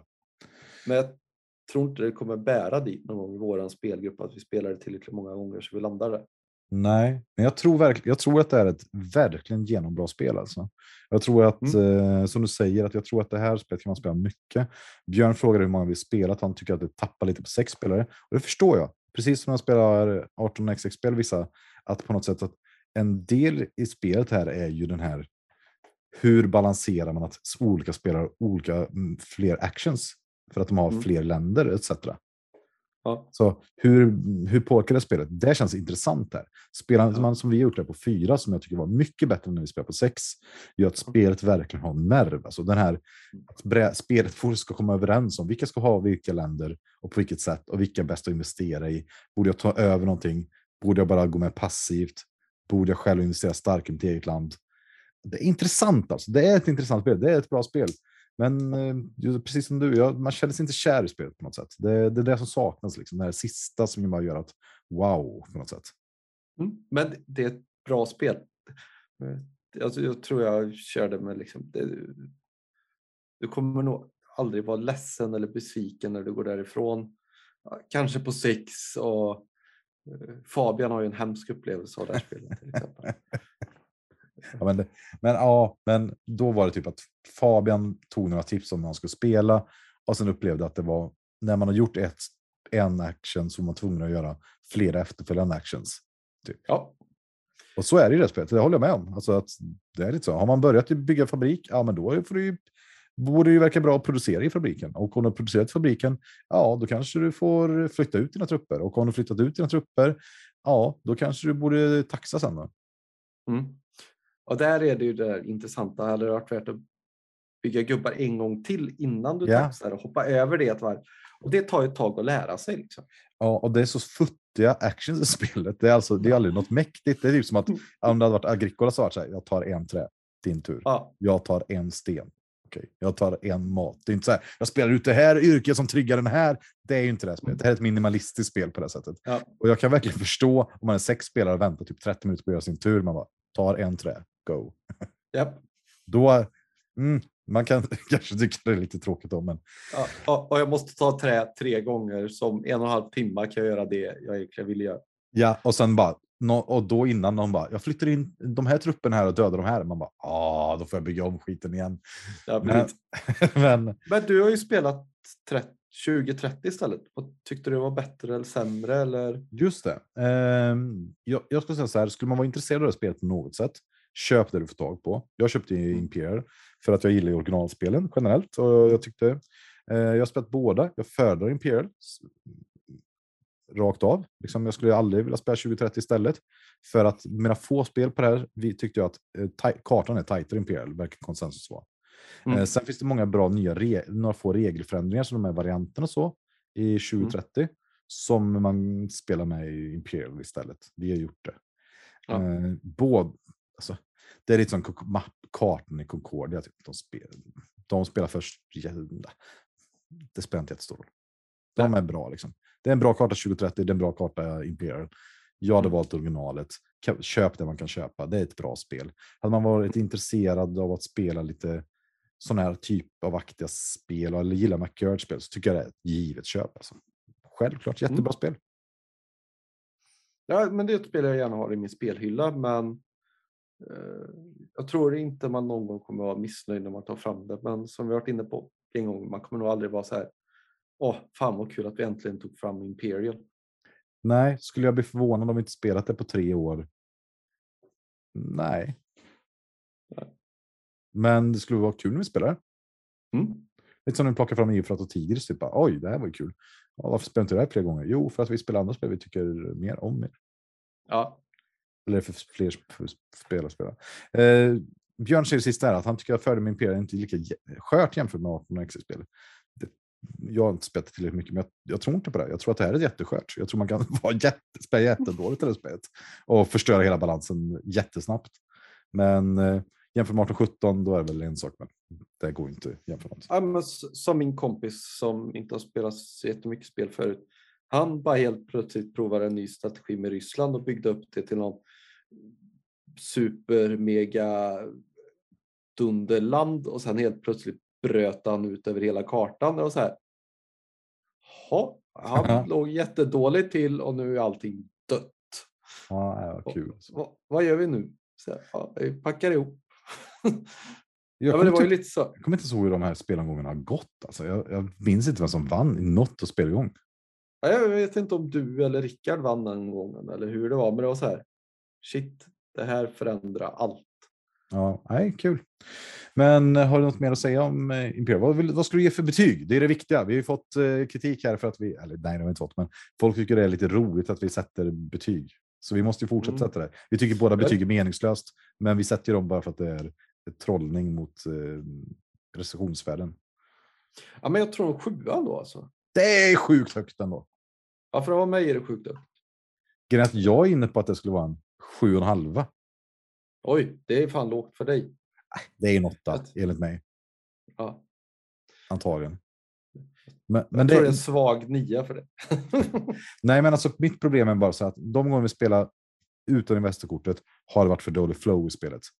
Och jag tycker att ett spel som ska vara bra, om man inte spelar tillräckligt, är man inte tillräckligt kär i ett spel och man spelar varje vecka, måste ha tillräckligt bra flow när man tar upp det. Mm. För att det inte ska bli för tradigt och långsamt. Speciellt när man gör ofta samma action. Ja, nej, men det behöver, för mig behöver det verkligen spelas med Investorkortet. Utan det så är det lite som GVT. Liksom. Det är så här, jag kommer, kommer Mm. inte uppskatta det. Då kommer det vara en tvåa. Liksom. Ja, och sen var det var det. Det var Imperial. Nu har ni sagt Tunga brädspelspodden rekommenderar det. Framförallt om man vill nosa på privata pengar, bolagspengar eller länder, kapitalistpengar. Hur man nu ser vad som vänder på det. Vi, Alternativt om du spelar 18xx och vill nosa på krigsspel. eller euro. Ja, precis. Det, det är sant. Sjuk, sjuk tanke. Ja. Vad tänker du vi ska göra härnäst i podden? Alltså, Om vi får avsluta. Eh, Jag hoppas att The Coast kommer upp och att vi börjar spela det. The cost, inte the coast. Ja, För det andra låter som ett mysigt eh, eh, kustspel. Ja, det är väl det det handlar om med asbest. Just det. Eller att vi lyckas få till att spela 18-17 tillräckligt många gånger så vi kan spela in ett avsnitt av det. Grejen jag har ju spelat Cost en gång och eh, det var lite som att spela Fresh Fish. Inte, inte alls lika extremt, men det var typ så här. Man spelade, man tyckte det kändes så här. Ja, men intressant spel, genomdesignat. Ja. Kände man att man fick jättestor mersmak? Nej, kanske inte, men eh, du får ju bestämma så. Ja, ja, men jag vill verkligen provspela det. Jag tror att jag, jag hade fått för mig att det var massa aktioner i spelet, så var det inte det. Så var det så här, för att folk jämförde med Age of Steam typ. Då tänkte jag, det måste ju vara aktioner men det var det inte. Så jag bara, va? Men det är alltid deppigt det där när man tror att ett spel inte gör det. Jag har märkt att jag är så himla, jag är så himla känslig för det. Eh, vi kan ju ta, vad heter det där när man bygger stora tuffa robotar och man bara är... Ja, Sight. Ja, precis. Världens sämsta spel. Köp det inte. Det är kast. Nej, dina förväntningar bara äntligen får jag kriga lite med mina robotar. Bara, Nej, det är din skördetröska du som är cool som du åker runt med. Ja, precis. Ja, och du försökte förvarna mig. Ja, det gjorde jag faktiskt. Det, ja, du, du guldeloge på den. Men det var så här. Det här spelet var inte vad jag hade tänkt mig och hade förväntat mig att det skulle vara. Och då blev jag besviken och jag har svårt att återhämta mig om det. Jag har ju spelat det en gång till efter den gången och Ja. vunnit det en gång. Det var så här tråkig vinst liksom för spelet. Tråkigt för mig. ja, alltså, James Stegmaier är ju ändå oh, sjukt överskattad speldesigner. Sen verkar man vara sympatisk och trevlig företagssnubbe, men Mm. ja, det är ju skamligt. men, men jag tror att det är en problematik. Eller jag vet inte om du lider av det lika mycket som jag gör. Men som du sa med The Coast. Där. Ja, nej, men jag trodde, säger folk att det ska vara Age of Steam-känsla, då tänker jag ångestaktioner. Ja, är det bara Bygga, ångest nu? bygga räls och skrala resurser. Ja, det är väl okej liksom. Mm. Men det, det kan nog bli bra. Jag tror att du kommer gilla det. Eh, eller du kommer tycka det är ganska bra. Du kommer tycka det är bättre än mig. Leo kommer nog tycka det är rätt okej. Det är skitcool eh, setting. Det är kul liksom att man får tänka på arbetsmiljön och sen bara, ska man offra eller inte? Men döda massa folk och superkass grafik, eh, hur den designen är. Men nej, intressant. Ja, det måste ju du gilla ändå. För det brukar ju du gå igång på. Nej, är men alltså den är icke-funktionell. Det är det som är problemet. ja, ja. Okej, du bara gillar eh, tråkiga färgskalor. Ja, och Edvin älskar spelet så man får ge, jag och Edvin tycker alltid samma sak. Jag. Så eh, jag får ge den en chans till helt enkelt. Ja. Det, det, Eller vad tänker du? Vad Nej, vill du men- spela härnäst? nej, men jag vill mest bara sätta mina... göra ett poddavsnitt. Åh, vad jag Vi- har fått spela näst. Åh, jag, är, jag, jag, tänk, alltså, grejen att jag har ju suttit och tänkt på 1817 så mycket. Så att jag har liksom tagit så här, typ A4 när jag varit på jobbet och suttit och vaktat prov och sen lagt A4 och sen har jag tänkt så här, och här ligger en pokerchip hög och här ligger en tänker jag. Hur förflyttas nu pengarna mellan i de här merge-rundorna? Om jag då förflyttar om bolaget från 2-share till 5-share i första merger acquisition-bolaget, då får jag chans att köpa en aktie. Då lägger jag in 200.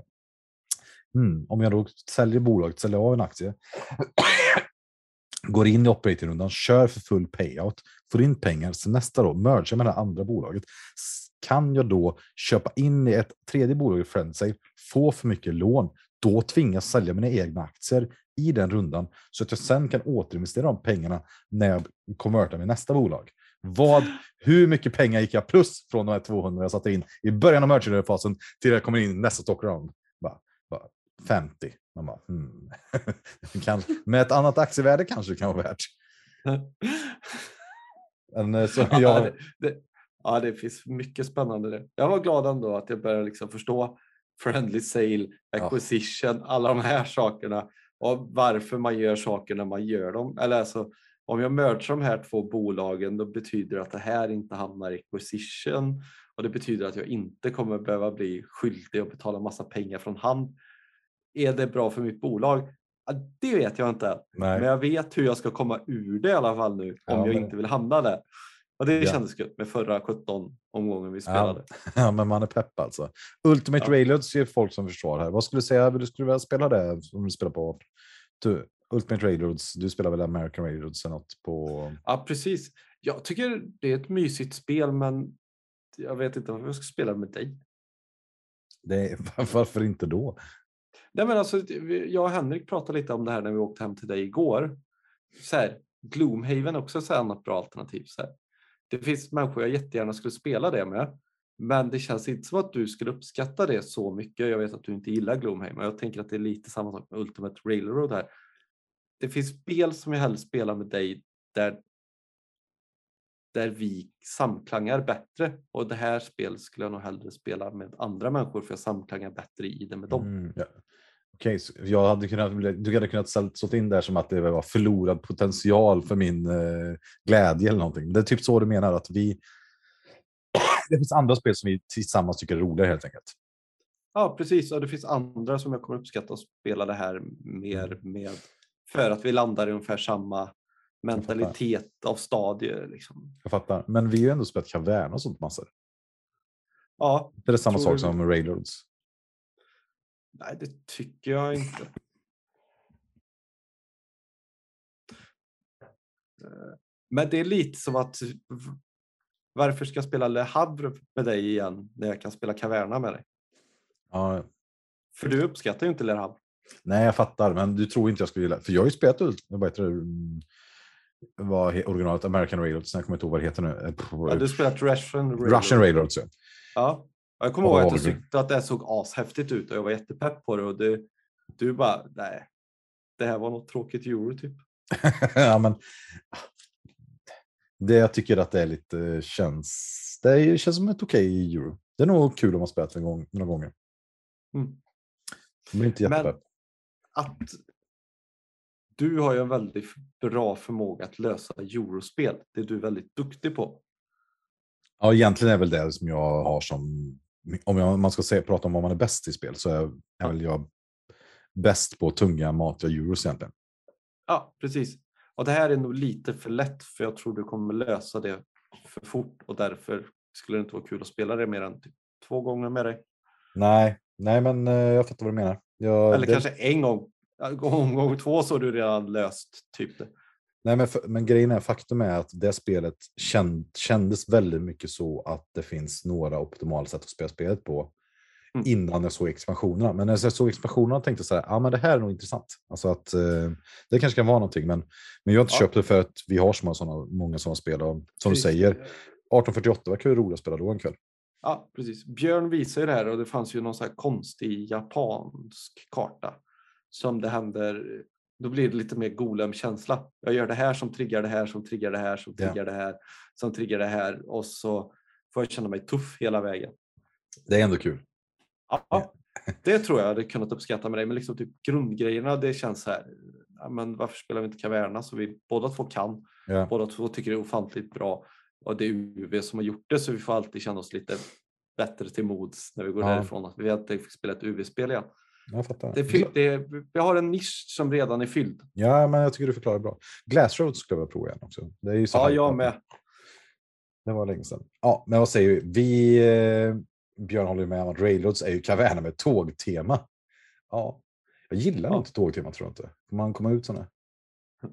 Ja, det har väl du sagt från första början att settings är så ointressant för dig. Ja, ja men jag, jag tror inte jag gillar det. Imperials tema jag gillar ju bättre. Det är Settingen om inte annat. Ja, men vad säger du där? Kul att vi fick göra vårt avsnitt. Roligt att uh, saker händer igen. Vi har varit över en månad, men vi har haft sjukt mycket för oss. Vi har vår Discord-kanal som är diskussioner. Hur mycket eh, diskussioner är det egentligen? För jag är ju själv med ofta. Om. Vad tycker du? Det är ofantligt mycket. Eh, Framförallt så rullar det på lite stötvis eh, ofantligt mycket. Helt plötsligt så finns det så här en 150 ja, inlägg om någonting som man känner att det här, behöver, det här skulle jag jättegärna vilja läsa igenom. Och så oftast är det en filosofisk tanke mot en icke-filosofisk tanke. Det handlar mycket om. Okej. En Ja. pragmatisk tanke mot en filosofisk tanke. Då. Känns Nej, det som en bra Att, sammanfattning? nej, att du kallar för matematik för pragmatiskt, det är bara absolut nej. Det är en matematisk tanke mot en pragmatisk tanke. Nej, det är inte sant heller. Det är inte sant. Eh, nej, men det är kul. Ja, man undrar också om det är några som läser de här chattarna vi skriver. Ibland så tänker man så här, jag och Edvin hade ju bara kunnat ringt varandra, till exempel idag. Men sen kommer ju då prin, eh, prins Jan, Karl, det kommer eh, Fabian in och skriver saker. Då, det är ju skitkul med folk som lägger sig i.